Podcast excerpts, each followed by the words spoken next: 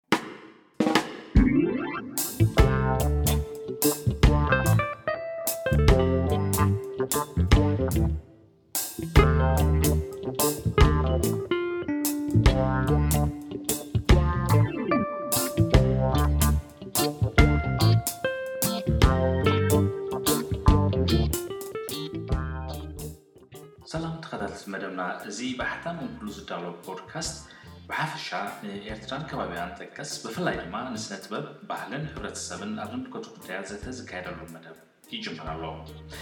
ንምክታልኩም ድማ ብኣኽብሮት ንዕድም።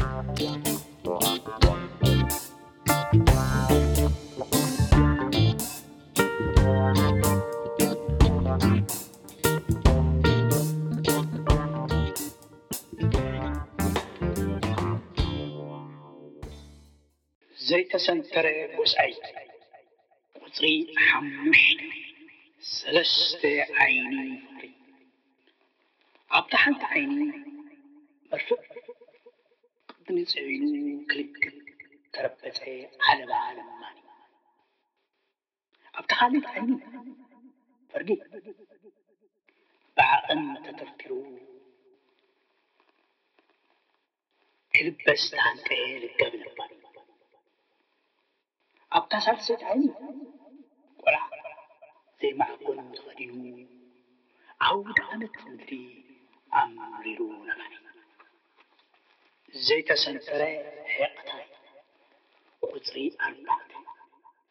ዝሓንገጠት ትንፋስ መጺኡ ነይሩ ከይበሃል ናይ ዝሓለኸ እንሆ ቀብሪ ማለት ምስቶም ቀባሮ ጠጠው ዝበለ ተቐባሪ ምስቶም ስሙ ተጋጊዮም ዝርዝሕ ዝነብዑ ኣሰኒ ምስበል። ቅድሚትን ድሕሪትን ኣላይ ጀርጂን ቁጽሪ ሸውዓተ ትከናኸኖ ዕምበባ መቒስካ መሃያ ቁምስል ዕምበባ ቦንቂስካ መሃያ። ግን ንጸናናዕ እቲ ጎረቤተይ ርእየ እሱራት ክሕሉ ንሱ እሱር ተቐየረ። ክቡራት ተኸታተልቲ ቡም ኩሉ ዝዳሎ ናይ ፖድካስት ፕሮግራም ሎም መዓልቲ ብዛዕባ ፍቕሪ ወይ ከኣ ሞት እትብል ሚእትን ዓሰርተን ሕሩያት። ቅንያት ወይ ከኣ ግጥምታት ዝሓዘት ብሃይለ ቢሰን ዝተዳለወት መጽሓፍ ኢና ክንመያየጠላ። ኣብዚ ምሳይ ዘለዉ ቀሺ ዮናስ ወልደሩፋኤል ከምኡውን ፍቅረ የማነ እዮም። ክልቲኦም ገጠምቲ እዮም። ኣብዛ መጽሓፍ ድማ ዘለዎም ርእይቶን ትንተናን ከካፍሉና እዮም። ንክልቴኹም ፍቕረይን ቀሺ ዮናስን ንዚ ዕድመ ኣኽቢርኩም ብምምጻኹም ኣዝየ የመስግነኩም። ስለዚ ናብቲ ዘለና ሕቶታት ክንሰግር። ቀዳመይቲ ሕቶይ ሓፈሻዊ ርእይቶኹም ብዛዕባ እዛ መጽሓፍ ክተካፍሉኒ። ራይ ኣነ ንገዛ ርእሰይ ወኪለ የመስግን ስለ ዝዓደምካና ናብዚ። ፍቕሪ ወይ ከዓ ሞት ዝብል ግጥሚ ናይ ሃይለ ቢዘን ኣብኡ ዘለና ሓፈሻዊ ትዕዝብቲ ከምኡ ድማ እቲ ስዒብካ ተምፅኦ ገለ ገለ ሕቶታት ብኡ ተመሪሕና ክንዘራረብ ማለት እዩ ዝያዳ ግን ፍቕረይ ቅድም ኣቢሉ እንተዝዛረብ ደስ ምበለኒ እታ ኣርእስቲ ፍቕሪ ወይ ከዓ ሞት እያ ትብለላ ንሱውን ፍቕሪ ስለ ዝኾነ ፍቕረይ ናባኻ ዕድል ክህበካ እሞ ሓፈሻዊ ትዕዝብትኻ መሪኻ ክዛረብ እነ የቐንየለይ ካብ ባሪኽካዮ እንዲኻ ቀሺ ቅድም ዝጀምር ገለ ክንብል ደሊና ኔርና ዝኾነ ኮይኑ እቲ ቴድሮስ ንኸምዚ ዝኣመሰለ ደስ ዝብለኒ ዕላል ብወገነይ ማለት እዩ ብዛዕባ ብዛዕባ ግጥሚ ብፍላይ ብሓፈሻ ከኣ ብዛዕባ ስነ ጽሑፍ ስለ ዝዓደምካና ኣነ ውን የመስግነካ እቲ ምስ ክልቴኹም ምዝራብ ከኣ ደስ ዝብል እዩ ክልቴኹም ኣብቲ ሞያ ኣጸቢቕኩም ትሰርሑ። በቲ ኖርማል ናይ ሰብኣዊ ነገራት ክሪኦም ከለኹ ውን ኣዝዮም ብሱላት ሰባት ስለ ዝኾንኩ ከምቲ ቀሺ ዮናስ ዝበልካዮ ሽመይን እቲ ኣምር ባዕሉ ፍቅሪ ዝብልን መብዛሕትኡ ግዜ ምስናይ ይኣብዮም እዩ ንብዙሓት ሰባት ይቅሬታ ንሱ እንታይ ክንገብር ከምኡ ስለ ዝኾነ ሽመይ ገለ ዘይኮነ ግን እቲ መጽሓፍ ፍቅሪ ወይ ከዓ ሞት ስለ ዝብል ጥራይ ብከምኡ ክንዛረበሉ እንድሕር ኮይና ሃይለ ቢዘን ሓደ ዓብዪ ገጣማይ እዩ። ኣነ ኸኣ ናቱ ናይ ግጥምታቱ ኣፍቃራይን ኣድናቓይን እየ። ሕጂ እቲ ዝህቦ ብዛዕባ እቲ መጽሓፍ ብሓፈሻዊ ርእይቶ ከመይ እዩ ገለ ንዝብል ሕቶ ንምምላስ እቲ ዘለኒ ኣድናቖትን ዘለኒ ፍትወት ኣብቶም ግጥምታትን ቁሩብ ክጸልዎ ስለ ዝኽእል ኣነ እንታይ ምበልኩ? ድሕሪ ንስኻ ሕቶታት ኣለዉኻ ማለት እዩ ቴድሮስ ኣብቶም ሕቶታትካ ተመርኲስና ብዛዕባ ከምዚ ብዛዕባ ከምቲ ብዛዕባ ከምዚ ብዛዕባ ከምቲ እባ ክንዛረብ ይሓይሽ ምበልኩ ምኽንያቱ ኖርማሊ ንሃይለ ቢዘን ከም ገጣማይ ዘድንቖ እዩ ነቶም ግጥምታቱ ከኣ ዝፈትዎም እዩ ስለዚ እቲ መጽሓፍ ብሓፈሽኡ ንዓይ ሓደ ሓደ ጽቡቕ መጽሓፍ እዩ ሓደ ህያብ ናይ ስነ ጽሑፍ እዩ ብኸምዚ እየ እቲ ዝሪኦ ነቲ መጽሓፍ ማለት እዩ። ብሓፈሻ። ሕጂ ነጥብታት ክንረክብ ክንክእል ኣለና ክተቅርበልና ብ በቲ ነጥብታት ክንዛረብ ምእንቲ ብሓፈሻ ግን ብከምዚ ኣነ ዝበለት መጽሓፍ ሓደ ዓቢ መጽሓፍ ሓደ ጽቡቅ መጽሓፍ ዝፈትዎ ግጥምታትን ዘድንቆ ገጣማይን ኢዮም ክልቲኦም እቲ መጽሓፍን እቲ ገጣማይን። ኣረ ፍቅረይ ቀሺ ዮናስ ናባካ ንሰገር። ሕራይ ኣነ ውን ካብ ናይ ፍቅረይ ዝተፈለየ ርእይቶ ብዙሕ ግደን ሃይለ ቢዘን ኩላትና ከም ንፈልጦ ብግጥምታቱ ብጽሑፋቱ ንፈልጦ ንዓና ኣያና ከም ከም ቅዲ ከም ኣብነት ዝኾነና ጸሓፊ እዩ። ንዓይ ብፍላይ ከምኡ እዩ ሃይለ ቢዘን ማለት እዩ። ሓፈሻዊ ትዕዝብቲ ብዛዕባ እዛ መጽሓፍ ብፍላይ ብዛዕባ ፍቕሪ ወይ ከዓ ሞት ትብል ሚእትን ዓሰርተን ቅንየት ሕሩይ ግጥምታት ዘለዋ መጽሓፍ ክዛረብ ዝረኣ ኮይነ እቲ ኣርእስቲ ጀሚርካ ኣገዳስነት ፍቕሪ ምስ ምስ ሂወት ኣተኣሳሲሩ እዩ ዝጠቅሶ ዘሎ ምክንያቱ እታ ምርጫ ካልኣይቲ ኣምፂዋ ዘሎ ፍቅሪ ወይ ከዓ ሞት ስለ ዝበለ ማለት እዩ፡፡ ብዘይ ፍቅሪ ካልእ ወላሓደ ትርጉም ከም ዘይብሉ ክተብርህ ዝተፃሓፈት ኮይና ተሰሚዓትኒ እታ ኣርእስቲ ኣብቲ ውሽጢ ኣቲና ክንዛረበሉ ኢና ከምዚ ፍቅሪ ዝበሎ እታ መፅሓፍ ክትሪኣ ከለካ ግን ካብ ገበራ ጀሚርካ ክሳዕ ትሕዝቶኣ ክሳዕ መወዳእታ ገበር ዘሎ ጥራይ ንዑ ጥራይ ርኢኻ ሃብታም ትሕዝቶ ከም ዘለዋ ረቂቕ ትሕዝቶ ከም ዘለዋ ኣብ ስነ ጽሑፍ ብዙሕ ኣበርክቶ ክትገብር ከም እትኽእል ፍልይ ዝበለ ቅዲ ከም ዘለዋ ውን ክንዛረበሉ ኢና ማለት እዩ። ስለዚ ሓፈሻዊ ትዕዝብተይ እንታይ እዩ ሓንቲ ብልጽቲ መጽሓፍ ካብ ሓደ ንፈትዎ ነድንቖ ብሉጽ ጸሓፊ ሃይለ ቢዘን ዝመጸት መጽሓፍ እያ ዝብል ትዕዝብቲ ኣለኒ ማለት እዩ። ሕራይ። ፍሉይ ዘብላ ገለ ንዓኹም ጦብላሕ ዝበለኩም ወይ ዘስተውኣልኩምሉ ነገር ብፍላይ ምስ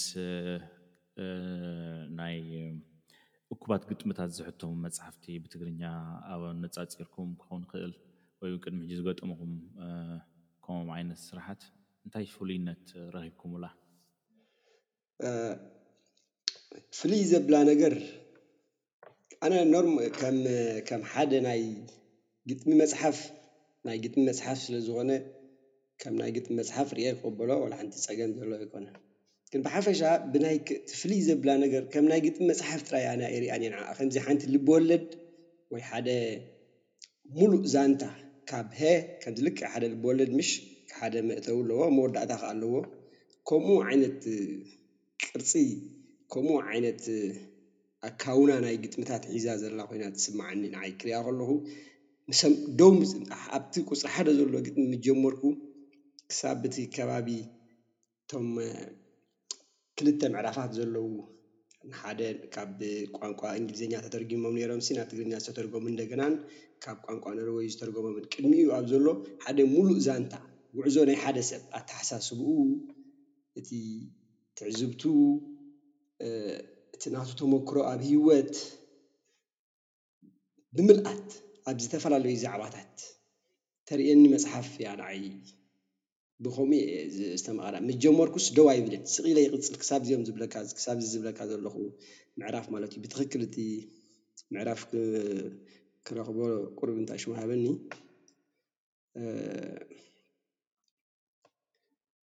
ብሓፈሻ ክሳብ ኣብዚ ዝብለካ ዘለኹ ክሳብ እቲ ስርዓተ ነጥቢ ግፋ ዝብል ማለት እዩ ዘሎ ቦታ ሓደ ሙሉእ ዛንታ ሓደ ሙሉእ ሂወት ናይ ሓደ ሰብ የርእየኒ ሙሉእ ሂወት ክብል ከለኹ ኣተሓሳስባ ናይ ሓደ ሰብ ይርኢ ኣብኡ ተሞክሮ ናይ ሂወቱ ናይ ሓደ ሰብ ኣብኡ ይርኢ ትዕዝብቱ ኣብ ዝተፈላለዩ ዛዕባታት ኣብ ዝተፈላለየ ሸነኻት ናይ ሂወት ይርኢ ብኸምዚ ክሪኣ ከለኹ ሕጂ ሓንቲ ሓደ ፍሉይ ስእሊ ነገር ተርእየኒ ማለት እዩ ካብ ታራ ግጥምታት ወይ ከኣ ካብ ስቕ ኢሎም ዝተሰርዑ ግጥምታት እኩባት ግጥምታት ጥራይ ኢለ ክሓልፋ ኣይክእልን ማለት እዩ። ሓደ ሙሉእ ዛንታ ይርኢ ኣባ በዚ ፍሊት ሓደ ካብቲ ኖርማል ዝለመድክዎ ናይ ግጥሚ መጻሕፍቲ ዝተፈለየ ብኸምዚ ነገር ይሓስባ ማለት እዩ። ኣራይ ኦኬ ኣነ ውን ኣብኡ ከለኹ ኣልግብ ኣቢለ ክዛረብ ኣብዛ መጽሓፍ ፍልይ ዝበለ ነገር ዝረኣኹሞ ነገር ኣሎ ዶ ንዝብል ወት ፍልዩነታ ማለት ዝኾነ ሰብ ነታ መጽሓፍ ምስ ሓዛ ካብቲ ካልእ ብኸመይ ከም ትፍለ ንምፍላያ ኣይጽገምን እዩ። እቶም ሚእትን ዓሰርተን ግጥምታት ብኸመይ ተሰሪዖም ኣለዉ ክርእዮ ይኽእል እዩ ማለት እዩ። እቲ ፍልይ ዘብሎ ግን ከምቲ ኩሉ ግዜ ናይ ሃይለ ኣጸሓሕፋ ኣብ ሓደ ሓሳብ ኣዝዩ ኣዕሚቑ ዝኣቱ ምዃኑ እዩ። ነቲ ኣርእስቲ'ሲ ትንክፍ ኣቢሉ ኣይሓድጎን እዩ፣ ንውሽጢ ሒዝካ ከም ዝኣቱ ጽቡቕ ጌርካ ከተስተማቕሮን ከተሰላስሎን ዝገብር ምዃኑ እቲ ፍሉይነቱ ኣብኡ ንርእዮ ሓደ ረቂቕነት ናይቲ ሓሳብ ምርጫ ቃላት ከምኡ ድማ እቲ ኣቀማምጥኡ ንባዕሉ ከመይ ገይሩ ኣቀማሚጥዎ ከም ዘሎ ከምዚ ሕጂ ፍቕረይ ክብሎ ዝጸንሐ እቲ ዋሕዚ ናይቲ ዛንታ ቅርፂ ንባዕሉ እቲ ቅርፂ ኣፀሓሕፋ ኣብኡ ዘሎ ብፍላይ ኣብቲ ስርዓተ ነጥቢ ግፋ ዝብል ዘሎ እቲ ቅርፅታት ኣብኡ ዘሎ እቲ እቶም ሰብዓተ ነጥቢ ሲ ንባዕሎም ሰብዓተ ነጥቢ ኮይኖም ግን ከኣ ቅርፆም ሓልዮም ኣብኡ ቀሪቦም ዘለዉ ንዓኣቶም ክትሪኦ ከለኻ እቲ ፍልዩነቱ ፍልይ ዝበለ ይረኣየካ ማለት እዩ። ብክልተ መስመር ወይ ሰለስተ መስመር ሓደ ዓሚቕ ሓሳብ ክሓልፍ ክትሪኦ ከለኻ ማዕረ ክንደይ ረዚን ሓሳባት ጸይራ ዘላ መጽሓፍ ምዃና ከተርእየካ ትኽእል እያ እሞ ፍልዩነታ ኣብዚ ክንጠቕስ ኮይኑ ክጠቓልል ዝኽእል ኮይኑ ይስምዓኒ ንዓይ ሕራይ ከምቲ ዝበልኩሞ እቶም ሚትን ዓሰርተን ግጥምታት ኣብ ዓሰርተ ክልተ ምዕራፋት እዮም ተጎጂሎም ዘለዉ ንኣብነት እታ ቀዳመይቲ ምዕራፍ ወይ ጉጅለ ፍቕሪ ወይ ኸኣ ሞት ትብል ኣርእስቲ ናይ መጽሓፍ እንኮላይ እያ። ከምኡ እንዳበለ ዘይተሰንተረ ስእለይ፣ ቅድሚትን ድሕሪትን፣ ሕብረይ ንሰሃራ፣ ሕብረይ ንናይ ሕማመይ፣ ስንታረ ሰባሰበይ፣ ድጉዓይ ንስደት፣ ዘይተሰንተረ ጎስዐይ፣ ዘይተሰንተረ ሒቕታይ፣ እቲ ካልእስ ልሳነይ፣ እዚ ካብ ኢንግሊዝኛ ብኢንግሊዝኛ ተጻሒፎም ወይ ተተርጉሞም ዝነበሩ ናይ ባዕሉ ግጥሚ ማለት እዮም ናብ ናብ ትግርኛ ዝመለሶም እዮም።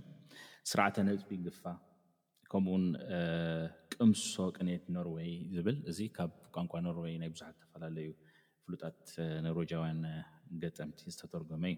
እዚ እዞም ዓሰርተ ክልተ ምዕራፋት ኣለውዋ ነቶም ቅድሚ ሕጂ ዘይረኣኹማ እዛ መጽሓፍ ናብታ ሕቶይ ክምለስ እታ ቀዳመይቲ ምዕረፍ ንኣብነት ፍቕሪ ወይ ከኣ ሞት ትብል እያ። ኣብኣ ዓሰርተ ግጥምታት ኣለዋ ንኹለን ነንሕድን ተኣሳሰራ እየን። ኣብዚ ንፍቕሪ ከመይ ኣንጸባሪቕዎ ኣሎ ገጣሚ ወይ እተን ግጥምታት ከመይ ኣንጸባሪቐንኦ ኣለዋ ንፍቕሪ? ፍቕረይ ብኣኻ ክንጅምር እዛ ፍቕሪ ፍቕሪ ትብል ቃል ክንደጋግማ ኢና ሚእቲ ግዜ ሎምዓልቲ ብኣኻ ክንጅምር።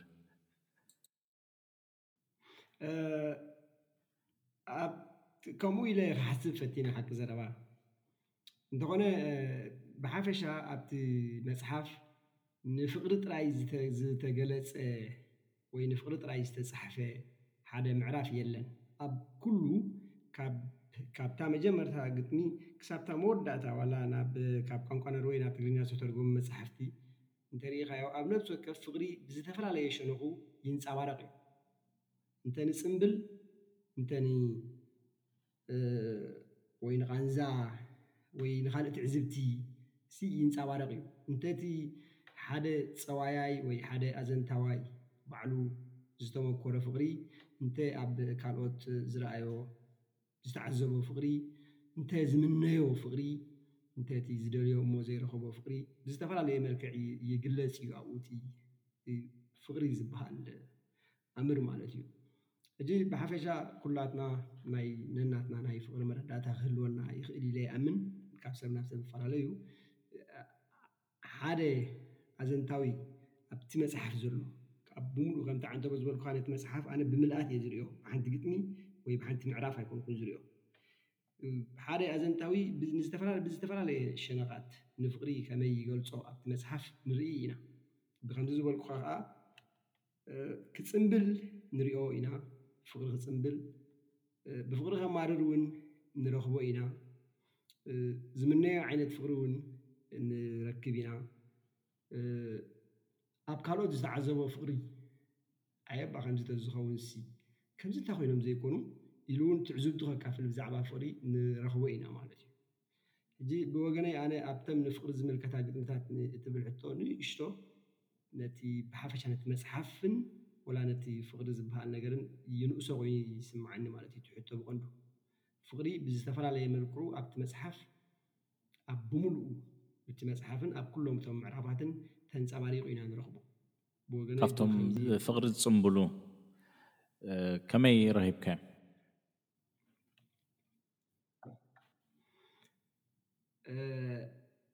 ኣብቶም ፍቅሪ ዝፅንብሉ ግጥምታት ከመይ ረኪብካዮም እንተኢልካኒ ካብ ኣብኡሲ ከምዚ የጉስዕ ሓደ ሰብ ከምዚ ምስ በልዐ ምስ ፀገበ ገለ ከምዚ የጉስዕ ኣብኡ ከጉስዕ ንረኽቦ ኣብቲ ሓደ ፍሉይ ግጥሚ ክረክብ ክኽእል ኣለኒ ግን ኣብኡ ደስ ዝበሎ ሓደ ኣይ ፍቕሪ ማለት እኮ ከምዚ እዩ ፍቕሪ ማለት እኮ ክሳብ ክንድዚ እዩ ደስ ዘብል ኢሉ ክጽንብል ንረኽቦ ሓደ እዚ እዩ። ወላ ምስቲ ኣርእስቲ ብቐንዱ ማለት እዩ ምስቲ ፍቕሪ ወይ ከኣ ሞት ዝብል ኣርእስቲ ናይቲ መጽሓፍ ኣተኣሳሲርና ክንርእዮ እንከሎና ከኣኒ ባህጊ ናይቲ ጸሓፋይ ሕጂ ነቲ ጸሓፋይ ጥራይ ክርኢ ኣይደሎን ኣለኹ ኣነ ንምንታይ እቲ መጽሓፍ ሓደ ገጸ ባህሪ ጥራይ እዩ ዘርእየኒ እምበር ሓደ ጸሓፋይ ወይ ሓደ ገጣማይ ጥራይ ኣይኮነን ዘርእየኒ ሕጂ ብሓፈሻ እቲ ሓደ ኣብቲ መጽሓፍ ዘሎ ኣዘንታዊ ምስታ ኣቐዲመ ዝበልክዋ እታ መጽሓፍ'ዚ ሓደ ምሉእ ዛንታ እያ ሒዛ ዘላ ትብል ማለት እዩ። ምስታ ቀዲ ምስኣ ብምትእስሳር እቲ ኣብኡ ዘሎ ተመኩርኡ ዘካፍል ሓደ ገጸ ባህሪ ኣብ ብምልእታ እታ መጽሓፍ ዘሎ ምስታ ፍቕሪ ወይ ከኣ ሞት ትብል ኣርእስቲ ናይታ መጽሓፍ ብምትእስሳር ክርእዮ ከለኹ ንፍቕሪ'ሲ ክንድምንታይ ከም ዝነብረሉ ክንድምንታይ በቃ ከም ዝኣምኖ ንዕኡ ክንድምንታይ ከኣ ብኡ ንዕኡ ከም ዝጽንብሎ ንርኢ ማለት እዩ። ብኸምዚ ክገልጽ ደስ ይብለኒ ኣነ ብዛዕባ ፍቕሪ ክርእዮ ከለኹ እቲ መጽሓፍ። ኣራይ ብወገንካ ቀሺ ዮናስ ኣብዛ ሕቶ እዚኣ። ከም ዝርድኣኒ እታ ቀዳመይቲ ክፋል ፍቕሪ ወይ ከኣ ሞት እትብል እታ መጽሓፍ ብዓባያ ዘይኮነትሲ እታ ፍቕሪ ወይ ከኣ ሞት እትብል ምዕራፍ ንበላ ወይ ክፋል ንበላ ኣብኣሲ እቲ ፍቕሪ ከመይ ተንጸባሪቑ ኣሎ ወይ ከመይ ገሊጽዎ ኣሎ ዝብል ገለ ተረዲኤያ ዘለኹ። ኣብተን ነፍሲ ወከፍ ግጥምታት ዘለዋ እንተ ርኢናየን ድማ ከመይ ከም ዝተረድኦ ብሓፈሽኡ ፍቕረይ ገሊጽዎ ኣሎ እንድዩ። ኣብ ኣብታ ቀዳመይቲ ቁጽሪ ሓደ ዘላ ንኣብነት እንድሕር ርኢና እተን ናይ መወዳእታ ክልተ መስመራት እንታይ እዩ ዝብል ናትኪ ነዝሪ ክኣለዎ ናተይ ተወሳኺ ፍቕሪ ወይ ከኣ ሞት ዝኽዑ ኳሬንቲ ኢሉ እቲ ነዝሪ ምስ ከም ምኽዓው ኳሬንቲ ተዘዝታ ስምዒታዊ መግለጺ ገይሩ ክገልጾ ከሎ ንሪኦ ኣብታ ካልኣይቲ ልክዕ ከምኣ እንተገበርና ኣብታ ናይ መወዳእታ መስመር ኬድና ጥራይ እንተረኣና ተቐሊዐ ኣብቲ ቃልዕ እናቖሓምኩ ቀዝሒ ፍቕሪ ወይ ከዓ ሞት ሕጂ እውን በሃሊ ይብል እቲ ቀዝሒ ዘይጥዑም ኩነታት ቁሪ እናሃለወ ከሎ ግን ፍቕሪ ወይ ከዓ ሞት ሕጂ እውን በሃሊ ኢሉ ፅንዓት ክገልፅ ከሎ ንርኢ ኣቶ ኣዳሚት ስምዒት ኣብዚ ካልኣይ ድማ ፅንዓት ንርኢ ኮይኑ ስምዓኒ ሳልሰይቲ ልክዕ ከምኣ ክገብር እየ እተን ናይ መወዳእታ ክልተ መስመር ቆርበተይ ቀሪጠ እኳ ዝሃብኩ ከም ገጸ በረኸት ሕጂ ዶ ቃለይ ዓጺፈያ ፍቕሪ ወይ ከኣ ሞት ይብል ስለዚ ነቲ ፍቕሪ ብኸመይ ገሊጽዎ ዶ ንዝብል ኣብ ነፍሲ ወከፍ ዘንተ ተዋሂበን ዘሎ ኣውጽሮታት እንተ ርኢናዮ ነቲ ስምዒት ነቲ ክዉንነት ነቲ ናብራ ይገልጾ እቲ ፍቅሪሲ ብኩሉ መዳዩ ማለት እዩ ብስምዒታዊ መዳዩ ይኩን በቲ ቃል ኣቲካ ክትጸንዖ ክትነብረሉ ይኩን እቲ ዋጋ ዘክፍሎ ዝበልዓልቲ ፍቅረይ ማለት እዩ ብእኡ ይኩን ትሪኦ ኣብ ቁጽሪ ሓሙሽተ ዘላ ነቢዐ ለሚነ። ተተጒሕኪ ብስሓቕ መሽካዕለሊ እንታይ እሞ ፍትፍቱ ደኣሉ ንፍቕሪ ወይ ከኣ ሞት በሃሊ እናበለ ፍትፍት ከም ዝኾነ እቲ ኩሉ ዝበሃል ማለት ኣብኡ ዘሎ ሓሳባት ቃል ብቓሉ እናረኣና ክንሪኦ ከለና እቲ ፍቕሪ ብብዙሕ መዳዩ ገሊፅዎ ከም ዘሎ ብስምዒታዊ መዳዩ ብናብራዊ በቲ ኩነታት ከም ዝገለፆ ኢና ንረኽቦ ማለት እዩ እሞ ፍቕሪ ከመይ ተገሊፁ ንዝብል ዕምቆት ብዘለዎ ኣገላልፃ ኣብ ነፍሲ ወከፍ ኩነት ድማ ገለ ምሳሌኣዊ ስእላዊ ክንሪኦ ንኽእል ነገር እናቕረበ እዩ ዝቐርበልና ማለት እዩ ስለዚ ከመይ ተገሊፁ ዶ ዝብል ከምቲ ፍቕሪ ዝጠቐሶ ምናልባት ኣብዛ ግጥሚ እዚኣ ፍቕሪ ከመይ ተገሊፁ እንድሕር ኢልና ኣስፊሕና ክንዛረበሉ ንኽእል ንኸውን ብሓፈሽኡ ግን ብዝተፈላለየ ኩርናዕ ጠመተ ንፍቕሪ ገሊፅዎ ኣሎ ኢለ ይኣምን። ሕራይ ጽቡቅ ሓንቲ ካብዘን ዝሃብኩመን ርእቶታት ደስ ዝበላኒ እንታይ ኣለዋ ሓንቲ ጥራይ ጦብላሕታይ ክገልጽ ኣብዛ ፍቅረይ ዝበላ ማለት እዩ እቲ ንኣብነት ቅድሚ ሳልስቲ ገለ ኮነ ሓንቲ ጽሕፍቲ የንብብ ነይረ ፍቅረይ እውን ኣብኣ ርእቶ ሂቡ ገለ ርእየዮ ሓደ ሰብ ረቪዩ ዓይነት ይጽህፍ ነይሩ ንቲ ደራሲን ንቲ ጠባይን እንዳሓዋወሰ እዩ ዝጽሕፍ እጂ ከመይ ኣይተረድኦን ድዩ ደብለካ ነገር ትሪ ኣብዚኣ እጂ ዝፈተኹዋ ኣገላልጻ እንታያ እቲ ፐርሶና ዝብልዎ ኣብ ብእንግሊዝኛ ወይ ከዓ እቲ ኣብኡ ዝዛረብ ሰብ ግድን እቲ ጸሓፊ ወይ እቲ ገጣሚ ወይ ውን እቲ ደራሲ ኣይኮነን ወይ ሓደ ሓደ ጠባይ ኣሎ ብፍላይ ኣብ ብፍላይ ኣብ ግጥሚ እቲ ጠባይ ክንሪኦ ስለ ዘይንኽእል ሓደ ፐርሶና ኢልና ኢና ክንገልጾ ሓደ ዝዛረብ ሰብ ኣሎ ግድን ክኣ ጸሓፊ ማለት ኣይኮነን ስለዚ እተን ኣብኡ ዘለዋ ተሞክሮታት እተፈላለያ ርእሰ ነገራት ወይ ውን ከምዚ ሕጂ ቀሺ ዮናስ ዝበልካየን እተፈላለየ ኩነታት እተፈላለየ ዓይነት ኣገላልጻ ተጠቂሙ ኣሎ ዝበልካዮ ስለዚ ብከምኡ ጌርና ክንሪኦ ከለና እቲ ግጥሚ ውን ምስ ሓደ ሰብ ወይ ምስ ሓደ ደራሲ ኣይንኣስሮን እሞ ፍትሕ እብለልና ምስ ኩሉ ዓይነት ተሞክሮታትን ሰባትን ክነተኣሳስሮ ንክእል ኮይኑ ይስማዓኒ እሞ ጽቡቅ ትዕዝብቲ ክብል ኢለ እየ ተወሳኪ ርእይቶ ኣለካ መስለኒ ፍቅረይ ናብኣ ነብል። ኩሉ ግዜ ብዛዕባ መጻሕፍቲ ክንዛረብ እንከለና ኣብ ዕላልና ይኹን ወላ ኣብ ከምዚ ሕጂ ንዛረበሉ ዘተ መጻሕፍቲ ይኹን ወላ ኣብ ኣረዳድኣና ከምዚ ጭብጥ ኣቢልና እታ መጽሓፍ እኮ ብዛዕባ ከምዚ እያ፣ እታ ግጥሚ እኮ ብዛዕባ ከምዚ እያ፣ እታ ደርፊ እኮ ብዛዕባ ከምዚ እያ ኢልና ክንሕዞ ከለና እንታይ ይመስለኒ ኣነ ነቲ ዓለም ናይቲ ጸሓፋይ ነቲ ዓለም ናይቲ ፈጣራይ ነጽብቦ ዘሎና ኮይኑ እዩ ዝስምዓኒ። ወላ ንገዛእ ርእስና እውን ኣብኡ ንጸብብ እሞኒ እቲ ምስትምቓርና ዝጎድል ኮይኑ እዩ ዝስምዓኒ እቲ እቲ ክንድስቶ እቲ ክንድሰቶ ንኽእል እቲ ክንረብሖ ንኽእል ካብቲ ሓደ ስነጥበባዊ ስራሕ ወይ ሓደ ፈጠራ ክንረኽቦ ንኽእል ባህታ ይንእስ ኮይኑ እዩ ዝስምዓኒ ካብ ብምንታይ ይነቅል ካብቲ ናህና ኣረዳድኣ ናታ ሒዛን ማለት እዩ ሕጂ ን ነዚኣ ንምንታይ እየ ከ ኣምጺኤያ ኣብዚ ኣብተን ንፍቕሪ ዝምልከታ ግጥምታት ዝበልካዮ ንኣብነት ኣብ ቁጽሪ ሓደ ፍቕሪ ወይ ከዓ ሞት ኣሎ ሓደ ኣርእስቲ ሓቀይ? ኣብቲ ንዓይ እቲ ድጅታል መጽሓፍ ስለ ዘለኒ እቲ ወረቀት የብለይን ሕጂ መገሻ ስለ ዘለኩ ማለተይ እዩ ኣብ ካልእ ኣብ ምዕራፍ ክንደይ ከም ዘላ ግን ዘይተሰንተረ ጎስዓይ ትብል ሓሙሽተ ወይ ሽዱሽተ ግጥምታት ዝሓዘት ኩለን ፍቅሪ ፍቅሪ ፍቅሪ ዝብል ጥራይ ኣርእስቲ ዘለወን ኣለዋ።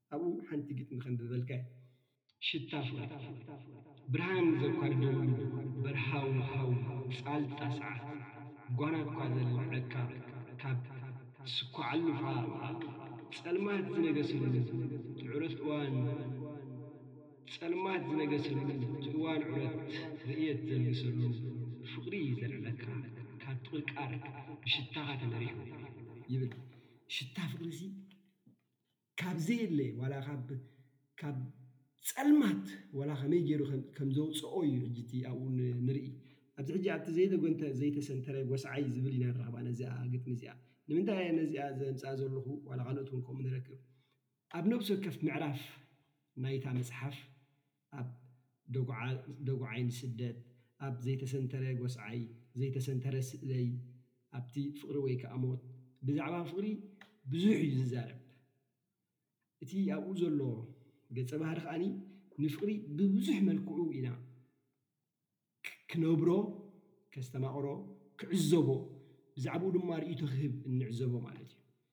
ሕጂ ብዛዕባ ፍቕሪ ስፐሲፊካሊ ዝተጻሕፈ ሓደ ኣርእስቲ የለን ኣብዚ መጽሓፍ። እንታይ ደኣ ኣብ ኩሉ ተዘሪኡ ንረኽቦ እቲ ፍቕሪ። ከከም ኣናብባና ከኣ ሓደ ትርጉም ንረክብ ማለት እዩ ብዛዕባ ፍቕሪ ኣብኡ።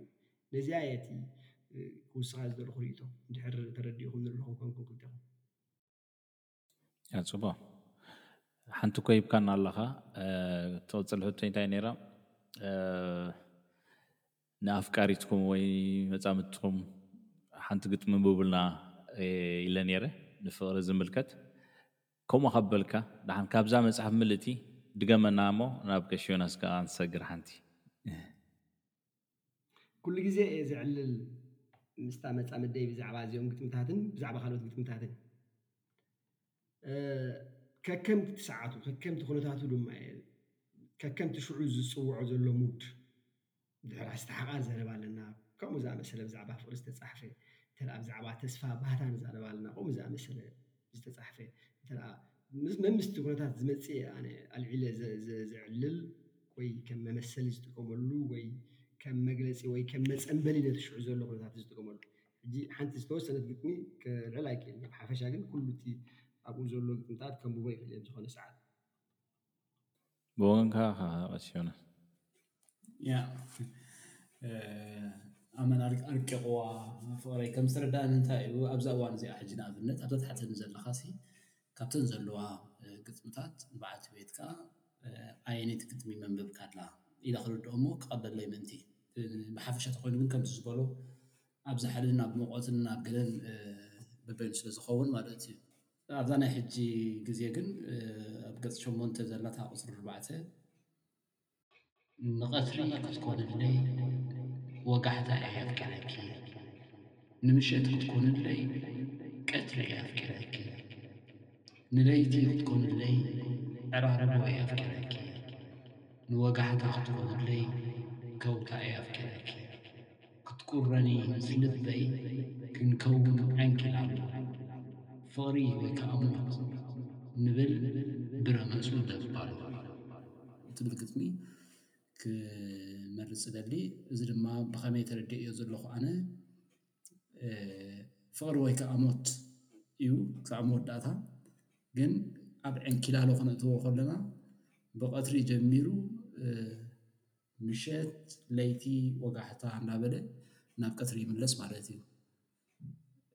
ክቕፅል እንተ ኮይኑ እቲ ፍቕሪ ንቀትሪ ክትኮነለይ ወጋሕታ፣ ንምሸት ክትኮነለይ ቀትሪ፣ ንለይቲ ክትኮነለይ ዕራርቦ፣ ንወጋሕታ ክትኮነለይ ከውታ እናበለ ኩሉ ግዜ ከም ዘፍቅራ ፍቕሪ ወይ ከዓ ሞት ከም ዝብል። ዝገጠማ ግጥሚ እዚኣ ንባዓልቲ ቤተይ ክገጥማ ደስ ይብለኒ ማለት እዩ የቀንየለይ። ኦኬ ጽቡቅ ቀጺለ ደላ ሕቶይ ኣብ ሰለስተ ጉጅለታት ኣብዚ መጽሓፍ ብሰለስተ ጉጅለ ተቐሪበን ቀሪበን ዘለዋ ግጥምታት ሕብረይ ንሳሃራ ሕብረይ ንናይ ሕማመይን ደጓዓይ ንስደትን ዝብላ ኣበን ኣተኪርና ብዛዕበን ዘለኩም ጦብላሕታ ከመይ ይመሰል? በቶም ደጉዓይ ንስደት ዝብሉ ግጥምታት ክጅምር እየ። ንኣቶም ኣጸቢቐ እየ ዝፈትዎም። ኣጸቢቐ ክብለካ ከለኹስ ብዙሕ ማለት እዩ። ኣብዚሐ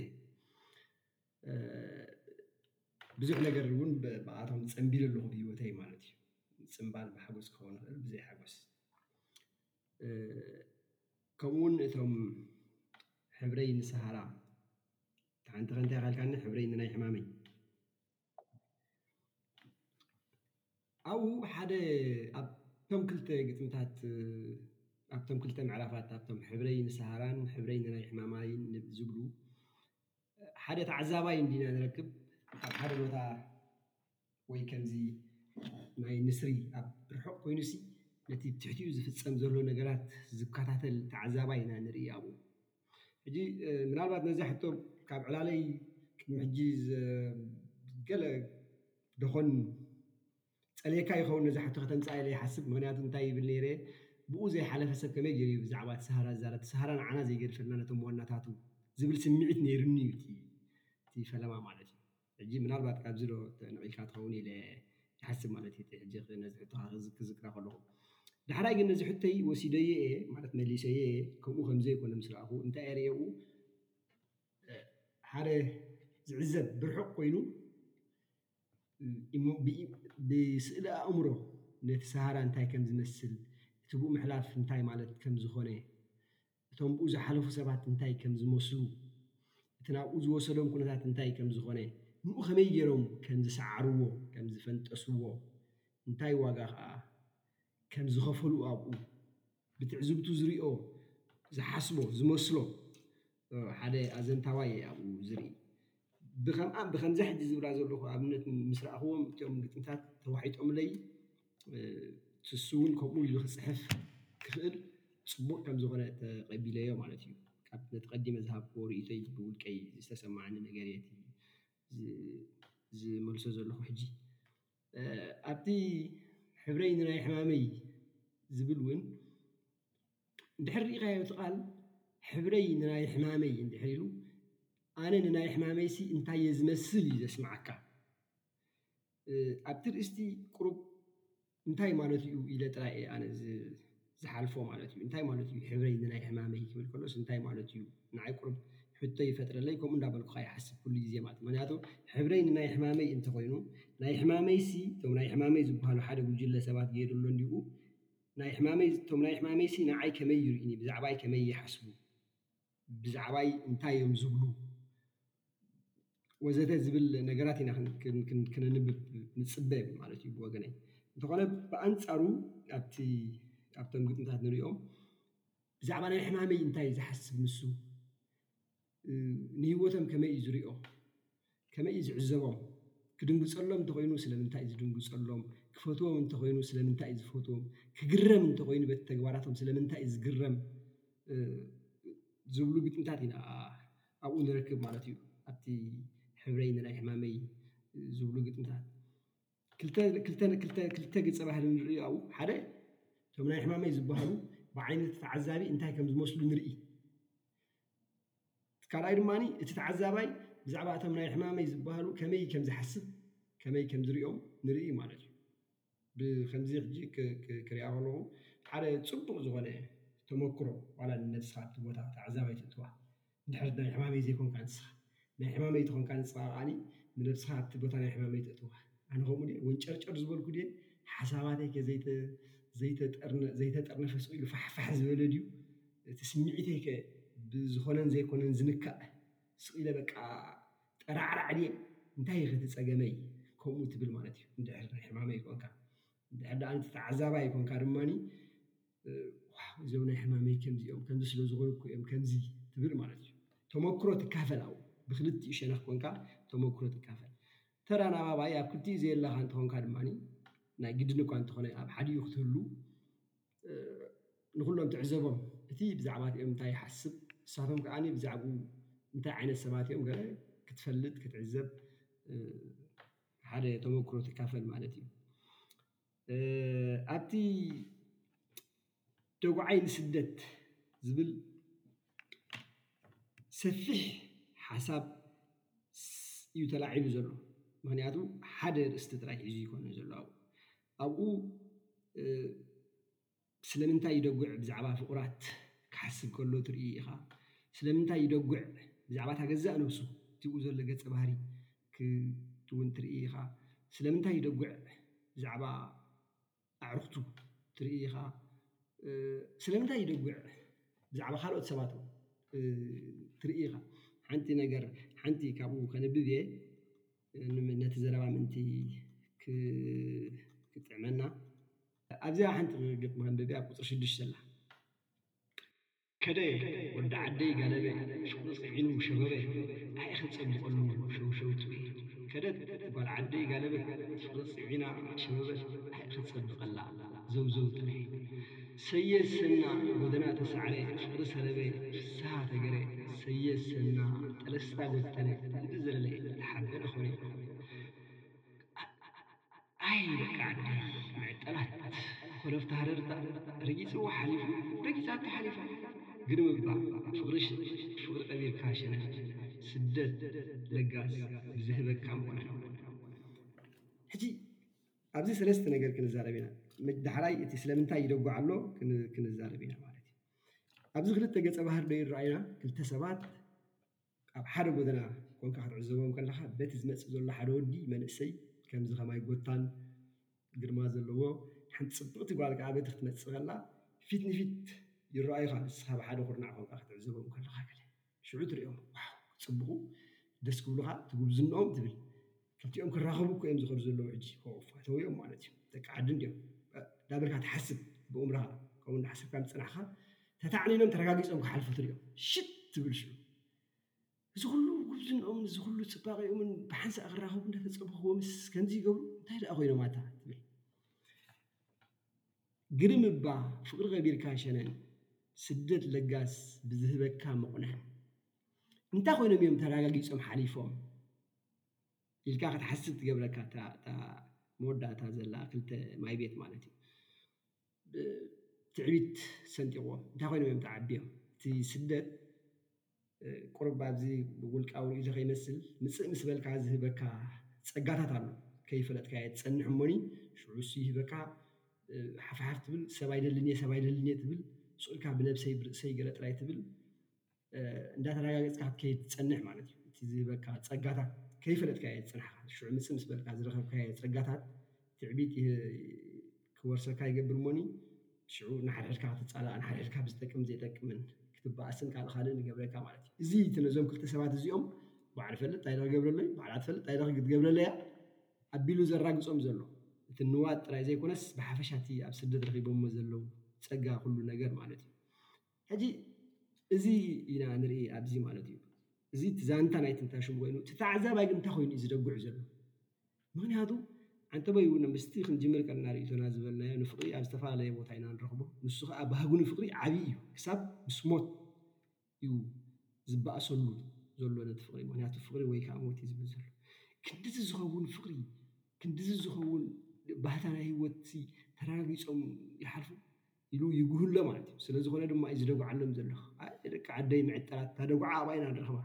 ኮለልቲ ሃረርታ ረጊጽዋ ሓሊፉ፣ ረጊጻታ ሓሊፋ ይብል ማለት እዩ። ሽዑ ትኩር ምልስ ኢልና ካብታ ስለምንታይ እዮም ከምኡ ገይሮም ምስ ረኸብና፣ ምልስ ኢልና ናብቲ ደጉዓ ንረክብ። እቲ ደጉዓ ከኣ በዚ ንርእዮ ማለት እዩ። እዚ ሓደ ካብቲ ኣብቲ ስደትሲ እቲ ፍቅሪ ክሳዕ ክንደይ ከም ዝሓስር ብሰንኪ እቲ ስደት ዝህበካ መቑነን እንታይ ዓይነት እዩ መቑነን ዝህበካ ጸጋ ክኸውን ይኽእል እዩ ጽቡቕ ክኸውን ይኽእል እዩ ሕማቕ ክኸውን ይኽእል እዩ ጥራይ ጸጋ ሂብካ ወይ ባህታ ሂብካ ወይ ገንዘብ ሂብካ ውን ክንብል ኣይንኽእልን ኢና እዞም ሰባት እዚኦም ምስ ነብሶም ዝተባእሱ ዘንጸርጸሩ ንሓድሕዶም ከይላዘቡ ዝመሓሉ ሰባት ውን ክኾኑ ይኽእሉ እዮም ብሰንኪ እቲ ፍቅሪ ብሰንኪ እቲ ምረቶም ናይ ስደት ማለት እዩ። ሕጂ ብከምዚ ንርኢ ሓደ እንታይ ኢካ ትብሎ ማለት እዩ ካልእ ኣብ ቁፅሪ ሸሞንተ ሓንቲ ካልእ ግጥሚ ንረክብ ርሕቅ ኢሉ ካብዚ ዘለናዮ ኣሎ መዋቅር ተጎምበል ውራይ ውራይ ዝገማጠል ዝክእሎ ሽምኖ ማዕሪጉ ንውራይ ከበሮኡ ንሓዘን ጋቢኡ ንቀዳማይ ዓባዩ ተረዲኡ ንትኩል ኣርባዕተ ዝቆፀራ መርዓ ቦኪረን እዲ ዝፀፈራ። ኩሉ ግዒዙ ይመልሰሉ ኢሉ ወትሓዚ ተሳኢኑ ሰብ ተባሊዑ ሓየት ብልሓትና ድበበ መንክር ፍንጭዋ ዘይትጎትኮ መጋቡ መጋብር ዓባይ ጌርና ብቕድሚት ተሓቢእና ኩልና ብድሕሪት ብቐብሸን ብነጸለእን ተኸዊልና ግርም ፈሲስና ነቢዕና ተዘቒቕና ነዚ ኣርሑና ነዚ ህላወና። ቅድሚ ናብቲ እንታይ ዓይነት ገጸ ባህሪ እዩ ኣብኡ ዘሎ ገለ ምስጋረይ፣ ኣብቲ ግርም ፈሲስና ነቢዕና ተዘቂቕና ነዛ ርሑና ነንህላዌና ዝብል ክልተ መስመራት ኣብኡ ሓደ ዓብዪ ደጉዓ ኢና ንረክብ። ሓደ ሰብሲ ክንድምንታይ እቲ ዝገብሮ ንኻልኦት ኢሉ ንነብሱ ከም ዝኾነ እህህታ እቲ ካልእን እቲ ካልእን ብዛዕባ ነብስና ከም ዝኾነ ኢና ንረክብ ማለት እዩ። እቲ ቀንዲ ግን ኣብዚ እንታይ ኢና ንረክብ? ሓደ ሰብ ኣሎ ኣብ ዝኾነ ቦታ ኣብ ኩሉ ዝሳተፍ ኣብቲ ናይ ኤርትራውያን ሂወት ኣቲና እንተሪኢናዮ እንታይ ኢና ንረክብ እዚ ማሕበራዊ ሜድያ ብዝፈጠሮ ምክንያት ወይ ዕድል ሓደ ካልኣይ ከኣኒ እቲ ባህጊ ናይ ምስ ሰባት ክንህሉ ምድላይና ባህጊ ኣብ መንጎ ካልኦት ኣሕዋትና ክንህሉ ምድላይና እቲ ባህጊ ድማ ብምኽንያት'ቲ ቆሪርና ምህላውና፣ ብምኽንያት ስደት ቆሪርና ምህላውና ዘምጽኦ ሽግራት ማለት'ዩ፣ ኣብ ዝኾነን ዘይኮነን ውራይ ዋናታት ክንከውን፣ ኣብ ዝኾነን ዘይኮነን ውራይ፣ ኣብ ዝምልከተናን ዘይምልከተናን ክኢላታት ክንከውን ይቕስበና ማለት'ዩ። እንተ ብኣካል ኣብ'ቲ ዘለናዮ ዓዲ እንተ ብ'ቲ ማሕበራዊ ሚድያታት ዝህበና ማሕበራዊ መራኸቢታት ዝህበና ዕድላት በዝን በትን ኮይና ማለት እዩ። ኣብ ኩሉ ንሳተፍ እዚ ካብ ባዶ ዝነቅል ኣይኮነን ምኽንያት ኣለዎ። ቆሪርና ኣለና ጸግዒ ንደሊ ኣለና፣ ፈሪሕና ኣለና ዘተባብዓና ንደሊ ኣለና፣ ጽምዋ ተሰሚዑና ኣሎ ኣብ መንጎ ካልኦት ክንከውን ንደሊ ኣለና። ነዚ ግን ካብቲ ኩሉ ሰብ ዝስምዖ ንላዕሊ ዝያዳ ዝኽእልዎ ሰባት ኣለዉ፣ ዝያዳ ኣብ ኩሉ ውራይ ዋናታት ዝኾኑ ሰባት ኣለዉ፣ ከምኡ ኢና ንርኢ ኣብቲ ኢንተራት ኣብቲ ኣብቲ ግጥሚ ማለት እዩ። እዚኦም ሰባት እዚኦም ኣብ ኩሉ እዮም ዝኣትዉ እሞ ንኣኣቶም ሓደ ነገር ከጓንፎም ከሎ ግን ሽዑ እቲ ኩሉ ካልእ ሰብ ከኣ ግልብጥ ኢሉ ኑቲ ኩል ኣርባዕተ ዝቆጸራ ዓባዩ መንግስተ ሰማይ የዋርሰን ጥራይ እታ ዘረባ ናተን ምሽ ኣርባዕተን ተቆጺረን ንሱ ወደን ወዲ ወደን ወዲ ወዲ ወደን ኢና ንረክብ ዘለና ዋላ ሓንቲ ኣዕሪፈን ጥራይ ኢኻ ከተሓስባ ክንድኡ ኣይ ኣይ ኣይ ንዓባየ ኢልካ ዘተሓሕዝ ኣይኮነን እቲ ሞት ናተን በቲ ሓቂ ንምዝራብ ማለት እዩ ግን ከምኡ ዝበሉ ሰባት ንረክብ እዚ ሕጂ እቲ ናይቲ በቃ እቲ ስደት ሚሒር ምስ ኣቆሮ እቲ ሰብ ከመይ ጌሩ ኣብ ሕቆፈኒ ክሓቁፈካ ኣብ ሕዘለኒ ክሓዝለካ ኣብ ኣሃልወለይ ክህልወልካ ተቀርቂሩ ይነብር ከም ዘሎ ነዛ ምእንቲ ርሑ ኢሉ ከኣኒ ዋላ ኣብ ዘየንብዕ ከመይ ከም ዝነብዕ ንርኢ ማለት እዩ ሕጂ ኣብዚ ደጉዓ ስደት ብሓፈሻ ብዙሓት ኣርእስታት ይለዓሉ ዓሰርተ ግጥምታት እዮም ዓሰርተ ርእስታት ከኣ ብዝተፈላለየ መልክዖም ይለዓሉ ማለት እዩ። ብኸምዚ ምኽንያት ኣነ ሓደ ሰፊሕ ሓደ መጽሓፍ ክኸውን ዝኽእል ንበይኑ ማለት እዩ ምሉእ መጽሓፍ ክኸውን ዝኽእል ኣብቶም ዓሰርተ ግጥምታት ንረክብ ብኸምዚ ከዓ ኣድኒቐ ኣይጽግቦን ማለት እዩ። ናብ ቀሺ ዮናስ ክንምለስ ኣብዛ ዘልዓልናያ ኣርእስቲ ዘለካ ርኢቶ። ሕራይ ወጽቡቕ ዘትረፈሉ ነገር የብሉን እንድዩ ግን ኩሉ ግዜ ከዓ በብናትና በብጠመተና ስለ ንጥምቶ እቲ ሕብረይ ንናይ ሕማመይ ዝብል ወይ ከዓ ሕብረይ ንሰሃራ ዝብል ተሳሰይቲ ድማ ድጉዓይ ንስደት ዝብላሲ ኣብኡ ዘለካ ትዕዝብቲ እዩ እቲ ሕቶ። ሕብረይ ክብል ከሎ ከም ሓደ ቀባኢ ኮይኑ እየ ዝርእዮ ዘለኹ ኣነ።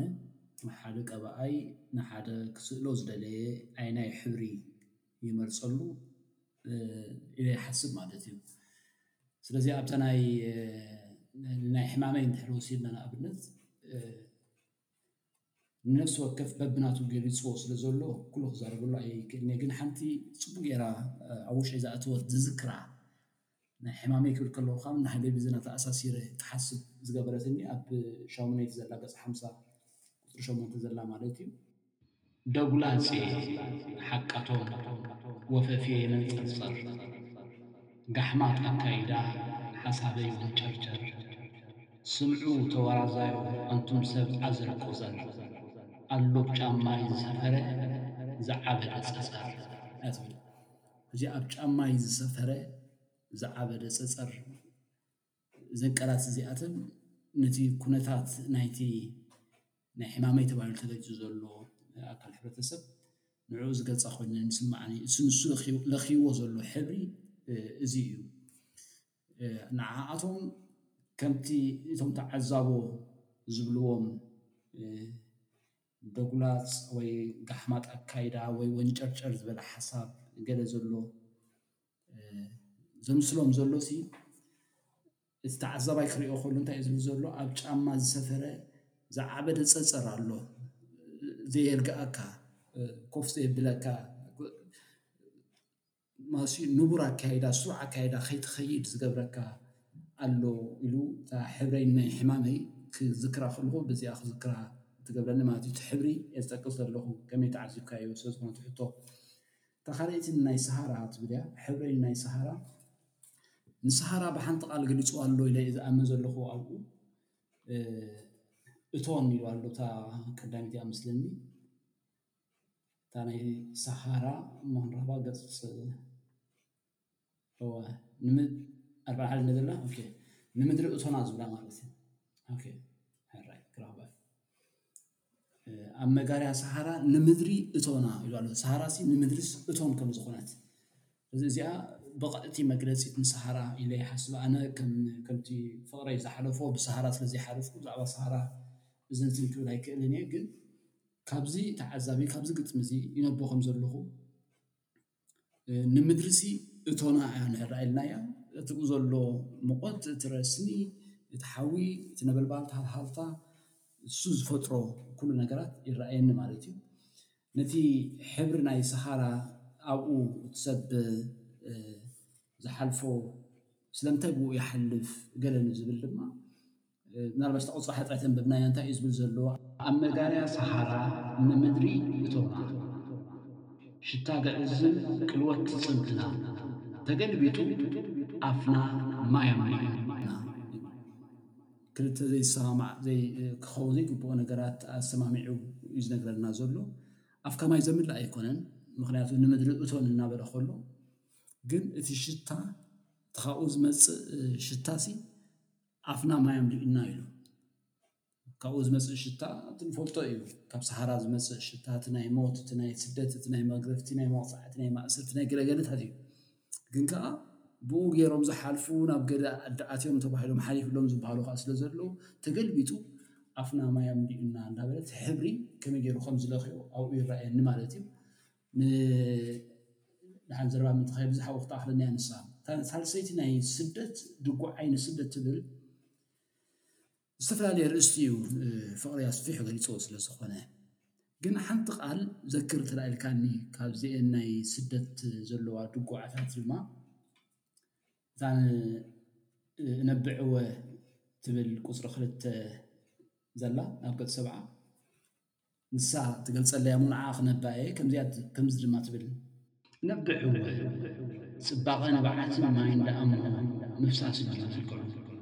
ንጽባቐ ምንባዕ ጽባቐ ድዩ ንባዕሉ? እነብዕ'ወ እኽዕ'ወ እምበር ወሒዞ ተሲኢነ ወሓለ ወሪጡ ዘውጽኣለይ ንዓደይ ነ'ስመራ ዝምሕዋ ካብ ልበይ ትብል። እቲ ናፍቖት። እታ ኣስመራ ዘንብክዮ ዘንብዖ ምክንያት ድሓር ኣብቲ ኣርእስታት በበይኑ እቲ ናይ መተዓብይቲ እቲ ናይ ገለ ናይ ገለ ናይ ገለ ዘብክዮ ይጠቕሶ ስለ ዝኾነ ኣብቲ ካልእ ትጠምረለይ ሓሳብ ግን ድጉዓይ ንስደት እትብል በዚኣ ገይረ ይዝክራ ማለት እዩ። ወሓል ለውሃራጺ ወሪጡ ዘውጽእ ነታ ኣስመራ ነቲ ኣብ ውሽጡ ዘሎ ሓቂፋ ሒዛቶ ዘላ ኣብ ልቢ ሰፊራ ዘላ ነገር ንዓኣ ወሪጡ ዘውጽኣለይ ስለ ዝስእን እነብዕወ እንተ ክገብር እድጉዕወ እዩ ዝብል ዘሎሞ በዘን ሰለስተ ትዕዝብታተይ ኣብ ናይ ሰሃራ ናይ ሕማመይ ከምኡ ድማ ናይ ድጉዓይ ንስደት ዝብላ ብእኡ ክገልጽ እደሊ ማለት እየ። ቅድሚ ቴድሮስ ምቕጻልካ ንእሽቶ እንታይ ክብል ደልየ ኣብዚኣ መወዳእታ ዘተ ሚቲ ዘረባና፣ ኣብዛ ሕጅስ ዋላ ምስ ነብሰይሲ ዋው ከመይ ከይረኣኽዎ ጸኒሐ ኢለ ቀሺ ዮናስ ሕብረይ ንሳሃራ ሕብረይ ንናይ ሕማመይሲ ከምዚ እዩ ዝብሎ ዝበሎ ብሓቂ ሕጂ ንዓይ እዚ ኣጸቢቑ ዝበርሃለይ ማለት እዩ። ከምቲ ኣነ ዝበልክዎ ሕብሪ ሓደ መለለዪ እዩ። ኣነስ ከመይ ከም ዝድለ ምስለይ ነቶ ንሰሃራ ይኹን ንናይ ሕማመይ ዘይኮነ ዝብዘሎስ ሕብረይ እቲ ኣነ ዝቐብኣሉ ሕብሪ እቲ ኣነ ዝጥቀመሉ ሕብሪ እቲ ኣነ መለለዪ ንኻልኦት ዝጥቀመሉ ሕብሪ ይብል ከም ዘሎ ገይሩ ዝገለጻ ቀሺ ዮናስ ብጣዕሚ መሲጣትኒ። ብሓቂ ከኣ ሕጂ ደጊመ ምስ ሓሰብኩ ኣውቶማቲካሊ ቀልጢፈ ማለት እዩ ከምቲ ቀሺ ዮናስ ዝብሎ ዘሎ ኣካኢድካ ዝብል ዘሎ እዚ ገጣማይ ወይ እቲ ኣብኡ ዘሎ ኣዘንታዊ ክብል ደልየ ማለት እዩ። ብሓቂ እዚኣ እቲ ከምቲ ባዕሉ ቀሺ የናስቆስ ዝበሎ እቲ ኣረኣእያና ኣጸቢቑ ዝተፈላለየን ንኻልኦት ዘይረኣይዎ ከርእን ዝኽእል ምዃኑ በዚ ክንርኢ ንኽእል ማለት እዩ። እቲ ሕብረይ ንኸምዚ ዝብሎ ዘሎ ንሱ ዝቐብኣሉ ሕብሪ እዩ እካ ክብል እዩ ደልየ ማለት እዩ። የቐንየልና ቀሺ ዮናስ። ገንዘብካ ኣብ ዝቐደመ ዝርርብና እኮ ዳርጋ ብኸፊል ተኪፍኩሞ ኣለኹም ግን በዞም ኣልዒልዎም ዘሎ ርእሰ ነገራት ኣብዛ መጽሓፍ ገጣሚ ሓደ ራእይ ህይወት የንጸባርቕ ዶ ናቱ ኣጠማምታ ኣብ ህይወት ርኢኹም ዶ? ብሓፈሻ ናይ ናይቲ ጸሓፋይ ኣረዳድኣ ናይ ሂወት ንርኢዶ ኣብ ኩሎም እቶም ግጥምታት እዩ እቲ ሕቶ። ከምቲ ቀዲምና ዝበልናዮ እቶም ግጥምታት ዝተፈላለየ ኣርእስቲ የልዕሉ ዋላ እኳ ንኹሎም ዘቀራርቦም ኣርእስቲ እንተሎ ማለት እዩ። እቲ ገጣማይ ግን ናይ ናይ ሂወት መረዳእትኡ ናይ ሂወት እምነቱ ናይ ሂወት ትዕዝብቱ የርእየና ዶ ኣብቶም ዝተፈላለዩ ዛዕባታት እንተይልና እወ የርእየና እየ ዝብል ንኣብነት ብዛዕባ ፍቅሪ ክንዛረብ እንተኾይና ኣብታ ቀዳመይቲ ምዕራፍ ፍቅሪ ወይ ከኣ ሞት ትብል ምዕራፍ ማለት እዩ ብዛዕባ ፍቅሪ ዘለዎ መረዳእታ ክንድምንታይ ዓቢ ከም ዝኾነ ንርኢ። ከመይ ኣብ ብዙሓት ካብቶም ግጥምታት ሓደ ዝቕንዞ ገጸ ባህሪ፣ ሓደ ዝፈርሕ ገጸ ባህሪ፣ ሓደ ብገለ ምኽንያት ዝጠራጠር ገጸ ባህሪ ኣብቲ ፍቕራዊ ህይወቱ፣ ሓደ ብዙሕ ነገራትሲ ዘጓሳቑሎ ኣብቲ ፍቕሪ ኢና ንርኢ። ሓደ ገጸ ባህሪ ማለት እዩ። ከምኡ ክንሱ ግን ነቲ ፍቕሪ እዋእ! ጠን ይበል ይራሕገጥ ኢሉ ኢዱ ዝድርብየሉ ይኮና ንርኢ እንታይ ደኣ ዋላ ከምዚ ይኹን ደኣ እምበር ዋላ ደኣ ስቓይ ይሃልወኒ ይሃልዎ እምበር ዋላ ደኣ ጉድኣት ይሃልወኒ እምበር ነቲ ፍቕሪሲ የፍቅሮ እየ ኣነሲ ንሱ እዩ እምነተይ ኣብ መትከለይ ኣብ ሂወትሲ ብፍቕሪ እዩ ዝልካዕ ክሳዕ ሞት ከኣ ኣብኡ እየ ዝኣምን ንኣብነት ምስታ ዘፍቅራ ኣፍቃሪት እንተይልና ማለት እዩ ወይ ኣብቲ ንሱ ዝኣምኖ ነገራት እየ ዝስዋእ እየ ኣብኡ ኢሉ ንፍቕሪ ክንድምንታይ ኣኽብሮትን ክንድምንታይ ልዑል እምነትን ከም ዘለዎ ንርኢ ኢና። ሓደ እዚ ማለት እዩ። ካልኣይ ኣብቲ ኣብ ሓደ ምዕራፍ ናይቲ መጽሓፍ ቅድሚትን ድሕሪትን ዝብል ሓደ ምዕራፍ ንረክብ ኢና። ኣብቲ ቅድሚትን ድሕሪትን ዝብል ምዕራፍ ዝተፈላለዩ ሞያውያን፣ ሸያጢት ሰለፍ፣ ኳዓቲ መቓብር፣ ሰራሒ ስልማት፣ መራሕ መኪና፣ ኣላዪ ጀርዲን፣ ዝተፈላለዩ ሰብ ሞያ ነናቶም ድምጺ ኣብኡ ንሰምዖም። እቶም ሰባት እሱሳቶም ኣይኮኑን ጽሒፎሞ እቲ ገጣቲ ኩዓቲ መቃብር ኣይኮነን ጽሒፍዎ እታ ሰያጥ ሸያጢት ሰለፍ ኣይኮነትን ጽሒፋቶ እቲ መራሒ መኪና ውን ኣይኮነን ጽሒፍዎ እቲ ገጣማይ ግን ብዛዕባ እቶም ዘለውዎ ሓሳብ እንታይ ከም ዝመስል እቶም ዝተፈላለዩ ሰብ ሞያ ዘይራኸቡ ንሓድሕዶም ማለት እዩ ኣብ ሂወት ግን ኩሎም ዘለዉ እንታይ ከም ዝመስል ብዛዕብኦም እቲ ኣተሓሳስብኡ ንርኢ ኢና። ንኣብነት ኳዕቲ መቓብር ትብል ሓንቲ ግጥሚ ከንብብ እየ። ኳዕቲ መቓብር ኣቐድም ኣቐዲምና ተር ኣቢልና ኢና ንፈቱ። ነቲ ዝመጽእ ሬሳ መንነቱ ዘይንፈልጦ። ኣነ ተፈጥሮይ ኮይኑ ጽቡቅ እየ ዝፈቱ ግርም ተለሰነ ዘብረቅርቅ ዝኩሕሉ ኣነ ቀባላይ ኮይነ ወደይ ተመንጢለ እዋን ሓመድ ድበ መቅርብ ናነብዐ ልዕሊ ሞት ወደይ ንዓይ ዝኮንተ ዘባን መቃብር በሰሮት ርክኮ ተወቅዐ ይብል ክንድምንታይ ሓደ በዓል ሞያ ንሞይኡ ሲ ኣፍቂሩ ከምዝሪኦ ክሳብ። ምስ ሞት ወዱ ብምንጽጻር እኳስ እቲ ሞያ ክባላሾ ከሎ ከመይ ከም ዝቐንዝዎ ንርኢ ማለት እዩ ኣብዚ ሕጂ ከምኡ ውን ኣብ ካልእ ግጥሚ መራሕ መኪና ዝብል ማለት እዩ ወይ ሰፋዪ ክዳን ዝብል ብተመሳሳሊ ንረክብ እቲ ንካልኦት ዝገብርዎ ነገራት ወይ ኣላዪ ዕሙማት ዝብል ኣርእስቲ እንተረኸብና እቲ ኣብ ልዕሊ ካልኦት ንካልኦት ዝሰርሕዎ ስራሕ ወይ ኣብ ልዕሊ ካልኦት ዝገብርዎ ተግባር ናብ ነብሶም ክመጽእ እንከሎ ዝህልዎም ድብልቕልቕ ዝበለ ስምዒት ከመይ ነቲ ሞያኦም ክፍትኖ ከሎሲ ከመይ ይቕንዘዉ ከመይ ባህ ኣይብሎምን ወይ ከመይ ይፍተኑ ኣብኡ ንርኢ ማለት እዩ። እዚ ቢልና እምበኣር እንታይ ኢና እንታይ እየ ክብል ደልየ እቲ ገጣማይ ብሓፈሻ ኣብ ሞያ ናቱ ዘለዎ ፍቕሪ ወይ ሞያ እንታይ እዩ ክመስል ዘለዎ፣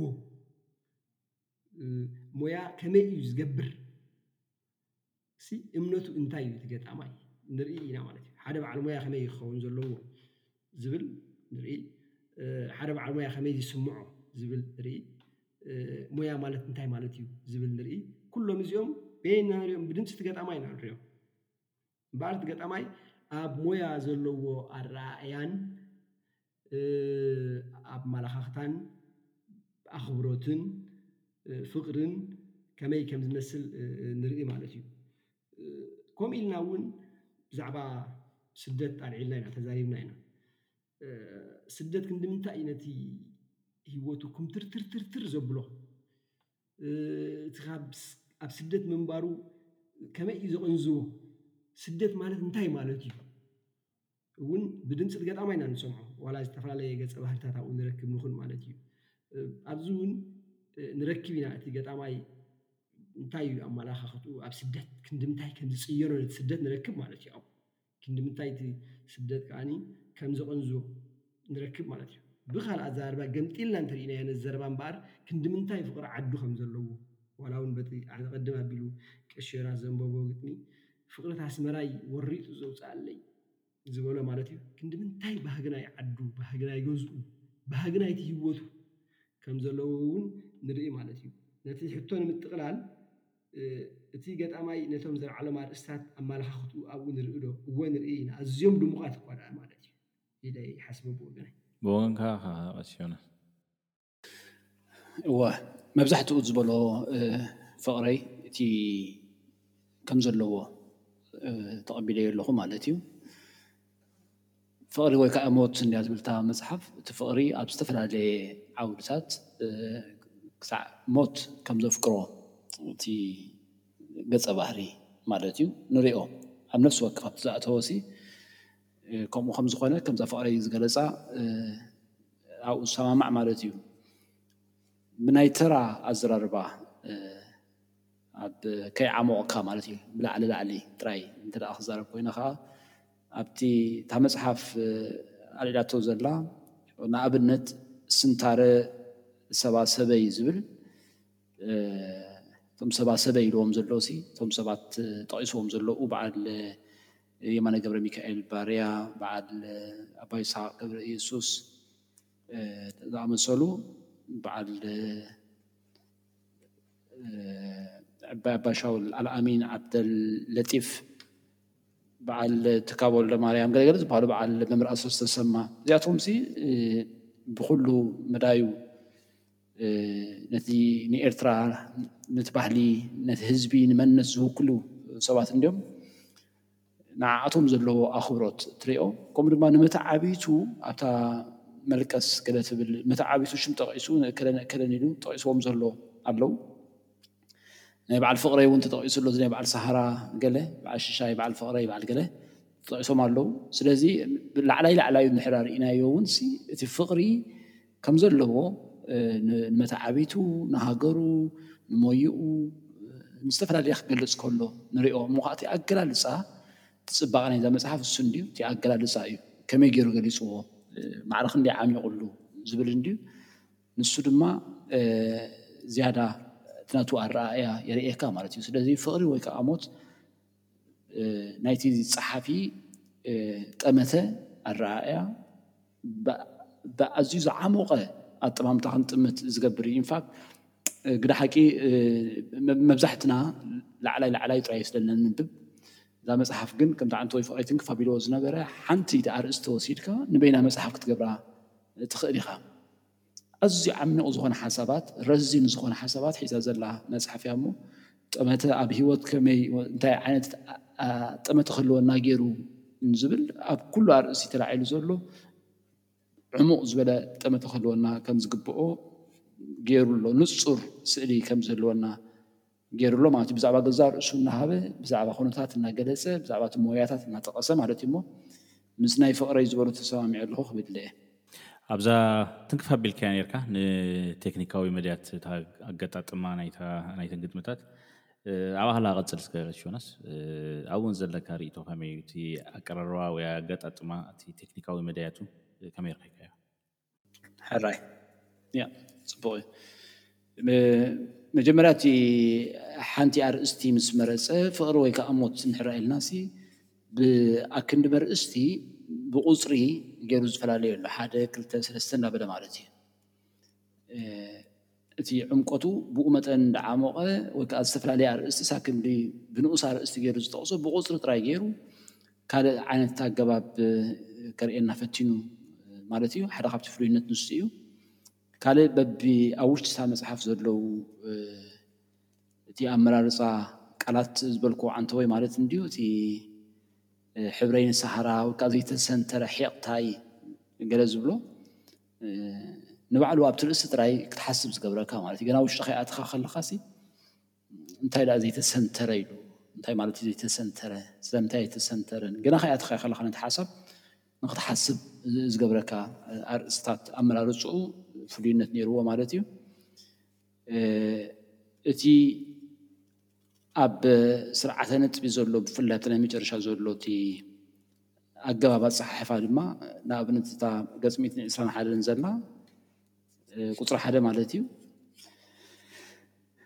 ክትሪኣ ከለኻ ንዘስተውዓለት ስርዓተ ነጥቢ ስለ ዝኾነ ክልተ ነጥቢ እያ ማለት እዩ እታ ገጽ ሚእትን ዕስራን ሓደን ዘላ ደርጓዕጓዕ ደርጓዕጓዕ ትብልታ ገልጠምጠም እናበለ ዝኸይድ ማለት እዩ።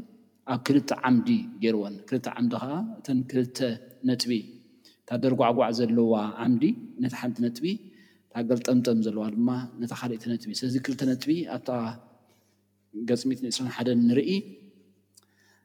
እታ ኣብ ገጽ ሚእትን ዕስራን ክልተን ድማ እቲ ብላዕሊ ሕንጻጽ ዘለዋ እዛ ንጽል ነጸላ ሰረዝ እንብላ ኣብኡ ንሪኣ ማለት እዩ።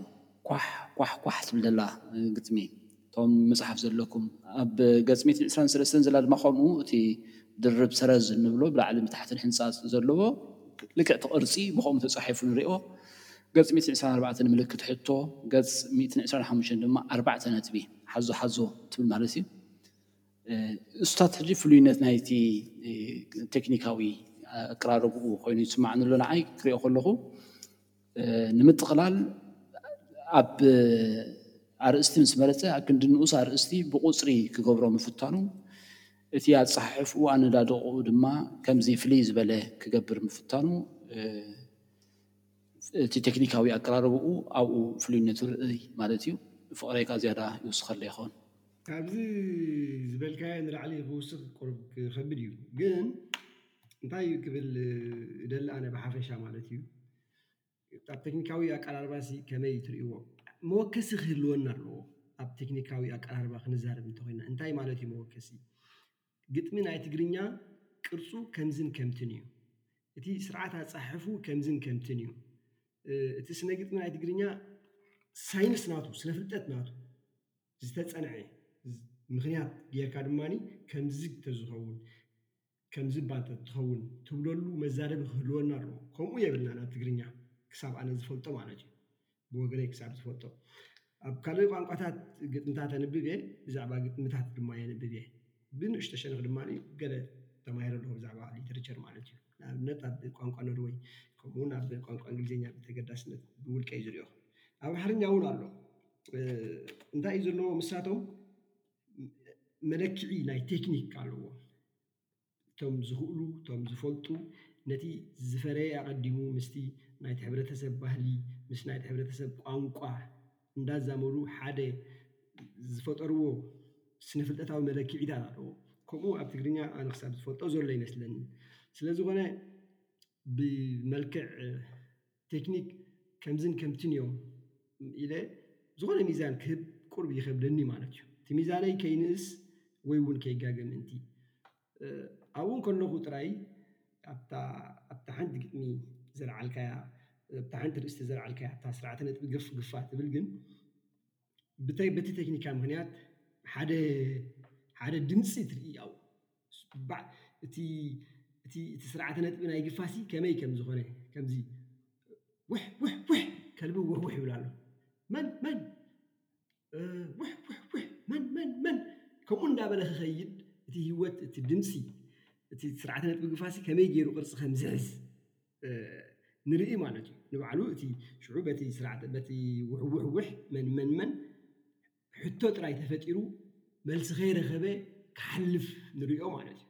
ኣብዚ ይምሰጥ ጥራይ ደኣ እምበር ዋው በቶም ድምፅታት ከምዚ ገይሩሲ እታ ምልክት ሕቶ ጥራይ እታ ሕቶ ከዓ በቃ ከይተመለሰት ተሪፋ ተመሲጠ ጥራይ እየ ዝሓልፍ እምበር ሓንቲ ቴክኒክ ጽቡቕ'ዩ ኣይጽቡቕን'ዩ፣ ከምዚ እንተዝኸውን ከምቲ ኣብ ዝብል መለክዒ ከቐምጦ ብወገነይ ቁሩብ ይጽገም'የ ማለት'ዩ። ጥራይ ዝተፈላለየ ዓይነት ሜላታት ኣጸሓሕፋ ናይ ግጥሚ ኣሎ ኣብኡ። ኣነ ከም ገጣማይ ካብቲ ኣጸሓሕፋታት ኣብኡ ዘሎ ክመሃር ይደሊ። ከመይ ጌሩ'ዩ እዚ ከምዚ ጌርዎ ዘሎ እንዳበልኩ። ክመሃር እደሊ ኻብኡ፣ ክኽእል እደሊ፣ ከምኡ እኳ እንተ ዘይኰነስ ናተይ ዝዀነ ቅርጺ ኸኣ ክፈጥር እደሊ፣ ከምቲ እኳ ንሱስ ከመይ ገይሩ እዩ ገይርዎ ዘሎ እንዳበልኩ ምስ ሓሰብኩ ማለት እዩ። ከም ሓደ ኣስተማቓራይ ናይ ግጥሚ ድማ እቶም ኣብኡ ዘለዉ ቴክኒካት ይምስጡኒ ጥራይ እዮም። ዋው ነዚኣሲ ሕቶ ሰሪሑ እታ ሕቶ ኣይተመለሰትን፣ እቲ ሕቶ ኸኣ ከመይ ገይሩ ከም ዝፍጠር ንርኢ፣ ከልቢ ውሕውሕ ይብል፣ መን መን ዝብል ሕቶ ትሰምዕ፣ መልሲ ግን ዘየለ፣ ዋእ እንታይ ኰይኑ ከምዚ እንዳበልኩ ይሓስብ ማለት እዩ። ብወገነይ ኣብዚ ጥራይ እየ ክዛረብ ዝኽእል ብዛዕባ ቴክኒክ እንተተዛሪብና ማለተይ እየ። እታ ዝበልካያ ናይ መጽናዕታዊ ተጣሽሙ ኣገባብ ተጠቂምካ ኣብ ሓደ ንግጥምታት ትግርኛ ወይ ኣብ ኤርትራ ዘለዉ ግጥምታት ቋንቋታት ካልኦት ውን ሓደ ቅርጽት ሒዙ ዝተጸንዐ ነገር ክህሉ ኣገዳሲ ምዃኑ ጽቡቕ ኣርእስቲ ኢኻ ኣልዒልካ። ንብዙሓት ኣሽሙ ብዙሓት ኣብ ኣብ ዓውዲ ስነ ጥበብ ዝነጥፉ ከኣ ኣሳይመንት ኢኻ ሂብካ ዘለኻ።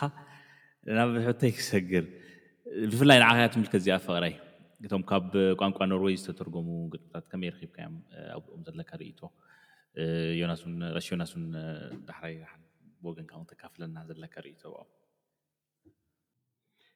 ነዛ ሕቶ ቅድሚ ምምላሰይ ሓደ ነጥቢ ከልዕል እየ ኣቀዲምካ ዘልዓልካዮ ነጥቢ ማለት እዩ እቲ ገጣማይ ኣብ ሂወት ዘለዎ ኣማላካክታ ኣብቶም ግጥምታት ንርእዮ ዶ ኢልካ ሓደ ሕቶ ኣልዒልካ ኔርካ ካልኣይ ድማ ካብቲ ከምኡ ጌረ ይትርጉማ ነታ ናይ መወዳእታ ሕቶካ ማለት እዩ ካብቲ ኣዝዩ ዝለመድናዮ ቴክኒካት ናይ ግጥሚ ሲ እንታይ ዝተፈለየ ነገር ሪኢኩም ኢልካ ንዕኡ ከኣ መልሲ ክንህበሉ ጸኒሕና ማለት እዩ። ነዚኦም ክልቲኦም ናብዚ ሕጂ ዝምልሶ መልሲ ኣተሓሒዝካ ርኣዮም ኢኻ፣ ካልእ ሰማዒ እውን ከምኡ ኣተሓሒዙ ክርእዮ።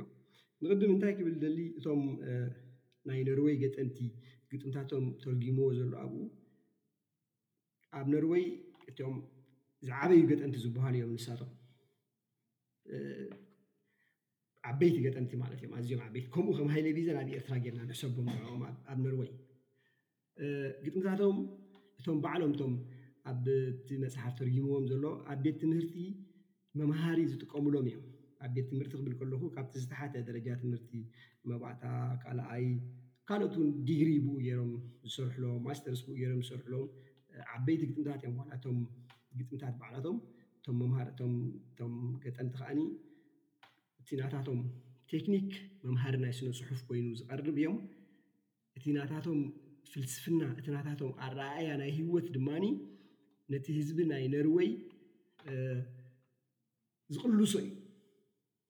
ኩስቶ ከምዝበሎ ስለምንታይ ኢና ከምዚ ንኸውን ኢሉ መምሃሪ ዝኸውን እዩ እቲ ግጥምታቶም። ግጥሚ ጥራይ ኣይኮነን፣ ምስ ዝትማቐር ጥራይ እንተስተማቒርካዮ ጥራይ ትሓልፎ ኣይኮነን፣ መምሃሪ እውን እዩ፣ መምሃሪ ናይ ሓሳባት፣ መምሃሪ ናይ ካልእ ተግባራትን ማለት እዩ፣ መምሃሪ እውን ናይ ዲሞክራሲ፣ ናይቲ ቀንዲ መለለዪ ህይወቶም እውን ማለት እዩ እቲ እቲ ግጥምታት። እሱ እቲ ሃይለ ቢዘን ምስቲ ቴክኒክ ዝበልካዮ ኣተሓሒዘ እዚ ነዛ ሕቶ እዚኣ ዝብላ ዘለኹ ዋላ እኳ እቲ ኣቐዲምና ንፈልጦ ናቱ መለለዩ ዝኾነ ናቱ ዝኾነ ድሙቕ መለለዩ ዘለዎ ገጣማይ እንተኾነ ኣብዚ ነርወይ ምስ መጸ በቲ ናይቶም ነርወያውያን ገጠምቲ እውን ዝተጸለወ ኮይኑ ይስመዓኒ ሕጂ ምስታ ቀዳመይቲ መጽሓፍ ነዛ ካልኣይቲ መጽሓፍ እውን እናናጸጸርኩ ክሪኦ ከለኹ ማለት እቲ እቲ ኣጸሓሕፍኡ ንባዕሉ ወላ እቲ ሓሳባት ኣገላልጽኡ ኣብ እቲ ልሙድ ዝኾነ ናይ ናዕታ ናዕታዊ ግጥምታት በቲ ቃላት ጥራይ ዜማ ዝፍጥር ግጥምታት ከይተደረፈ እቲ ናዕታን ረምታን ባዕሉ ኣብቲ ሓሳብ ከም ዝፍጠር ገይሩ ጥራይ ሓደ ምሉእ ሓሳብ ጥራይ ሰሪሑ ይሓልፍ ኣብኡ ብዙሕ ነገር ንርኢ ማለት እዩ። ነስተንክር ነስተንትን እቲ ናዕታን እቲ እረምታን ኣብ ጊ ኣብቶም ፊደላት ዘይኮና ንረኽቦስ ኣብቲ ሓሳብ ንረኽቦ ኣብ ውሽጥና ንረኽቦ ማለት እዩ። ንሕና ምስ ኣንበብናዮ ነቲ ነቲ ግጥሚ ማለት እዩ። ንሳቶም ከኣ ብኸምኡ ዝልለዩ እዮም ብሓፈሻ እዞም ናይዚ ዓዲ ገጠምቲ ብኸምኡ ዝልለዩ እዮም ማለት እዩ። እዚ ክሪኦ ከለኹ ነቶም ግጥምታት እውን ኣቐዲመ እፈልጦም እየ ኣነ። ናይቶም ገጠምቲ ከኣ ብኸምዚ ዝብለካ ዘለኹ ብዝተፈላለየ መልክዕ የንብብ እየ ብዛዕብኦም ብዛዕባ እቶም ጸሓፍቲ እውን ማለት እዩ። ሕጂ ክርእዮ ከለኹ ብከምዚ ውን ዝተጸለወ ኮይኑ ይስማዓኒ ሃይለ ቢዘን እቲ ፍትወቱ ኣብ ልዕሊኦም ኣብ ልዕሊ እቶም ገጠምቲ ዘለዎ ተምሳጥን ካልእን በዚ ኣቢሉ ድማ እሳቶም እኳ ኣብዚ ናቶም ሕብረተሰብ ክንድዚ ዝኣክል ጽልዋ ዘለዎምሲ እቲ ሓሳባቶም ክንድዚ ዝኣክል ታራ ዘለዎ ኣብቲ ሕብረተሰብ ናይ ናይ ነርወይሲ ኣነ ከኣ እቲ ግጥምታተይሲ ክንድዚ ዝኣክል ጽልዋ ክንድዚ ዝኣክል ዝኾነ ታራ ክህልዎ ኣለዎ ኣብቲ ናተይ ሕብረተሰብ ኢሉ እንዳሓሰበ ከምኡ ዝብል ሓሳብ ዝመጾ መን እዩ ዳሕራይ ዝጸሓፈ ኣብቲ ግጥምታቱ ከንጸባርቆ ዝፈተነ ኮይኑ እዩ ዝስምዓኒ ሕጂ ንዓይ ማለት እዩ ምስታ እቲ ኣረኣእያ ናይቲ ገጣማይ ኣብቶም ግጥምታት ንርእዮ ዶ ዝበልካዮ ሕቶ ኣተሓሒዘ ብምርኣይ ማለት እዩ።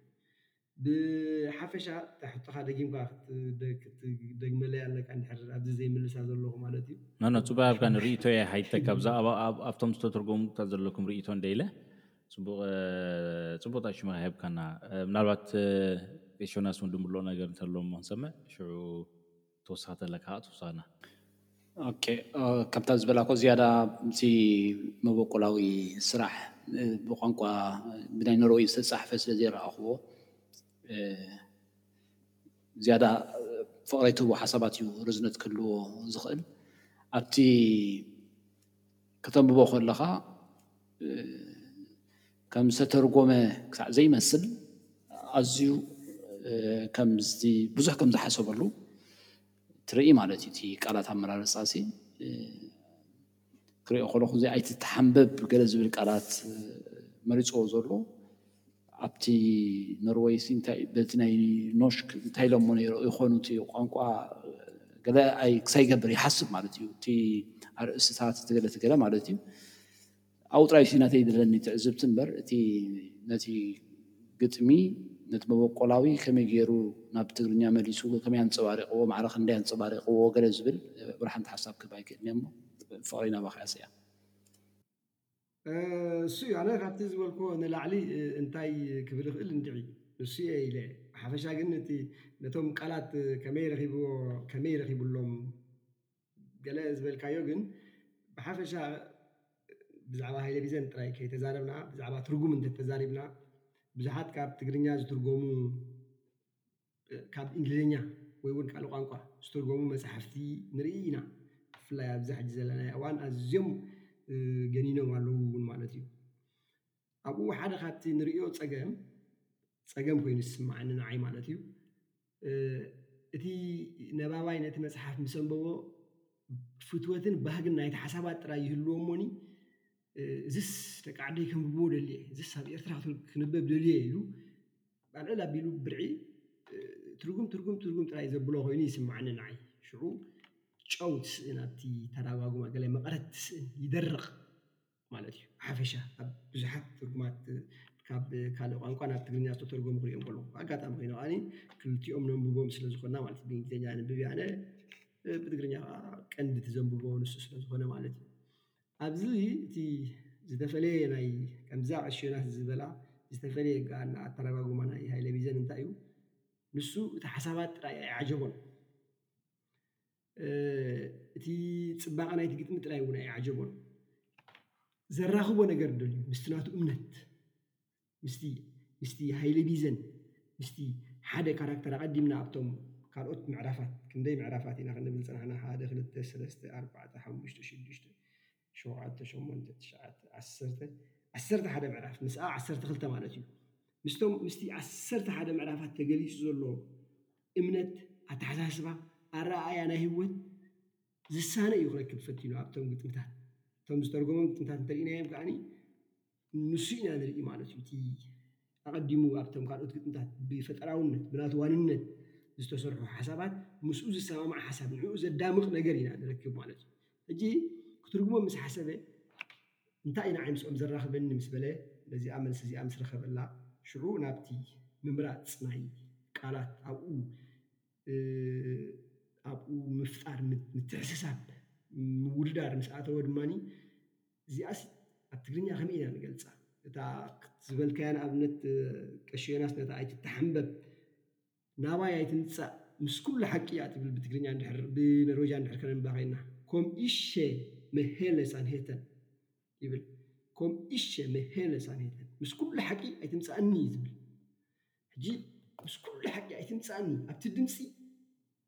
ዝንህ ዝን ዝንህር ዘሎ ነገር ኢና ንርኢ ብትግርኛ እምበኣር እንታይ እዩ እቲ ዝንህር ዘሎ ነገር ዝንበብ ዘሎ ነገር ሕጂ ኣብኡ ኣጸቢቑ ከም ዝሓሰበ ምስቲ ኣበሃላኻ ይሰማማዕ ማለት እዩ እንታይ እዩ እቲ ኣብ ትግርኛ ጽቡቕ ገይሩ ነዚ ዝገልጾ ነቲ ምስ ኩሉ ነገር እስኪ ቀልጢፍካ ኣይትምጽኣኒ ዝብል ቃል እንታይ እዩ ዝገልጾ ኣይትተሓንበብ ዋው ሓንቲ ቃል ረኽበላ ከምኡ እንዳበልና ክንሪኦም ከለና ነቲ ትርጉም ነቲ ሓሳባት ገለ ጥራይ ዘይኮነ ተርጊሙስ ንዓይ ምስኦም እንታይ ዘሰማምዓኒ ኢሉ ኣጸቢቑ ከም ዝሓሰበ፣ እዞም ኣባህላታት እዚኦም ኣብቲ ናተይ ሕብረተሰብ፣ ኣብቲ ዝጽሕፈሉ ዘለኹ ሕብረተሰብ፣ ኣብቲ ቋንቋ ንሱ ከመይ እዮም ዝበሃሉ ኢሉ፣ ከመይ እዮም ዝበሃሉ ጥራይ ዘይኮነስ ከመይ እዮምከ ዝትርጎሙ፣ ከመይ እቲ መረዳእታኦም ዋላ ኢሉ'ውን ከም ዝሓሰበ ነቶም ግጥምታት ከንብብ ከለኹ ይረኣየኒ ንዓይ ማለት እዩ።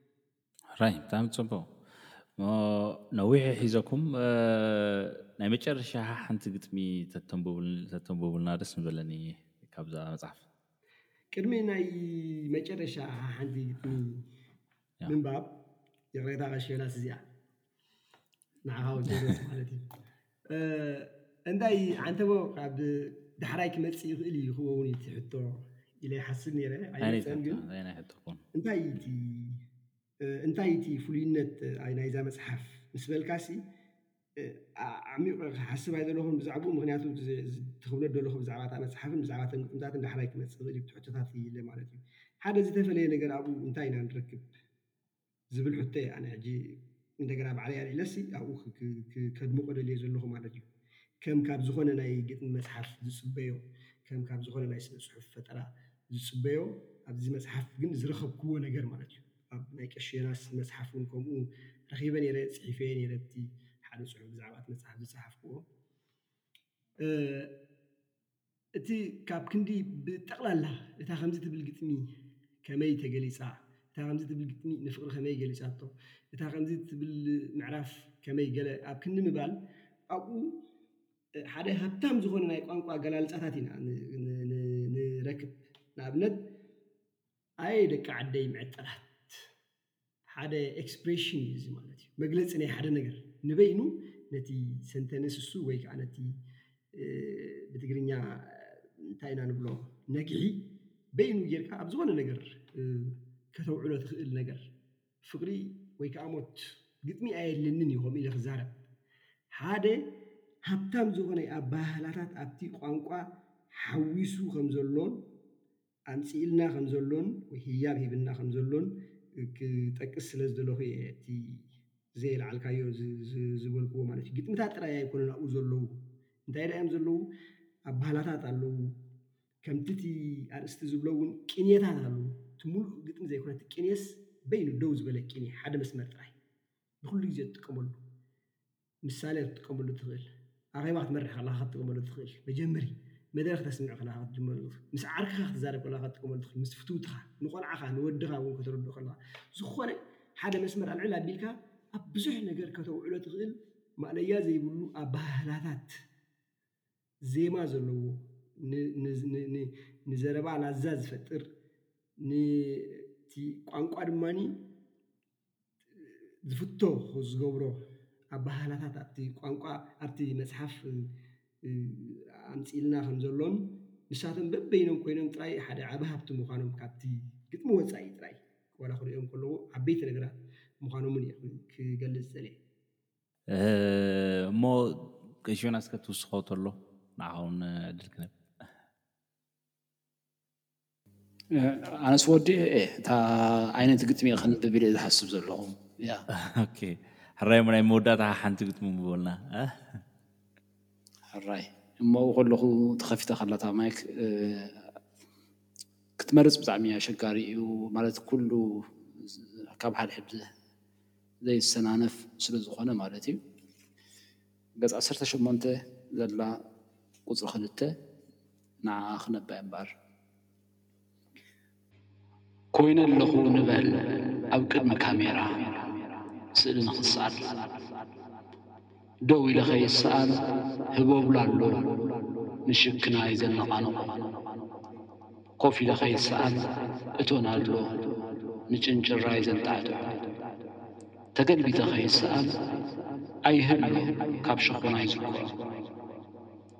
ንጋድም ኮይነ ኣለኹ። ንፋስ፣ ማይ፣ ሓዊ ሰሪዐ ብማዕረ። እቲ ክርፍስ መን ሰዓረ? እቲ ጭሕግር ጋር ስእሊ ንሱ'የ ኣነ። ሕራይ የቀንየልና ኣሸናስ ፍቅረይ። ከምቲ ኣሸናስ ዝበሎ ክትመርጽ ኣዝዩ ኣሸጋሪ እዩ ኩሎም ተመረጽቲ ግጥምታት ስለዝኾኑ ኣነ በዚ ስደት ከምቲ ገጣማይ እውን ማለት እዩ ብዙሕ ደጉዓ ኣለኒ። ጽቡቕ ሕራይ። ስለ ዝኾነ ድማ ላዛ ስደተኛ ትብል ግጥሚ ከንብብ እየ። ኣብ እቲ ምዕራፍ ናይቲ ካልእ ልሳነይ ዝብል ሚእትን ሰለስተን ጀሚሮም ዝቕጽሉ ግጥምታት ማለት እዩ ላሳ ኣብ ሚእትን ትሽዓተን ኣላ። ላዛ ስደተኛ።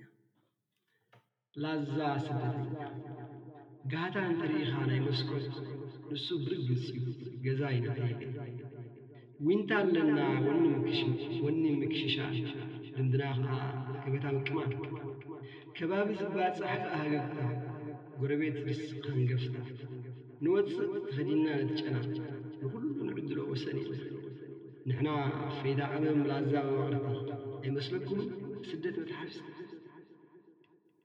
የቀንየለይ። ብጣዕሚ ፅቡቕ ኣዝየ እየ ዘመስግነኩም። ምናልባት ኣብ ዝርዝር ግጥምታት ኣቲና ኣይተዘራረብናን ምክንያቱ ብዙሓት ምዃኖም እቶም ግጥምታት ሓፈሻዊ ስእሊ ንምሃብ እዩ ነይሩ እቲ ዕላልና። በዚ ሂብኩም ዘለኹም ናይ ሎሚ መዓልቲ እንታይ ሽሙ ከኣ ኣዝየ ዕጉብ እየ ብጣዕሚ ፅቡቕ ዝኾነ ጽቡቅ ስእሊ ዝህብ ንሰማዕቲ ጽቡቅ ስእሊ ዝህብ ታሽሙያ ምሂርኩምኒ ኣዝየ የመስግን ምናልባት ኣብ ዝቅጽል ኣብ ገለ ገለ ውሱናት ግምታት ግጥምታት ኣቱኪርና ተተመያየጥና ውን ደስ ዝብለኒ ስጋዕ ኣብ ካልእ መደብ ንራከብ ድማ ኣዝየ የመስግነኩም። ጊዜኹም ወፊኹም ኣብዚ ምሳና ምምሳይኩም ኣዝየ የመስግን ብሩኽ ምሸት ሰሰናዩ የቀንየልና ቴዲ ብሩኽ ምሸት ሰላም ፍቅሪ ብሩኽ ለይቲ ብሩኽ ለይቲ ቀሸ ደስ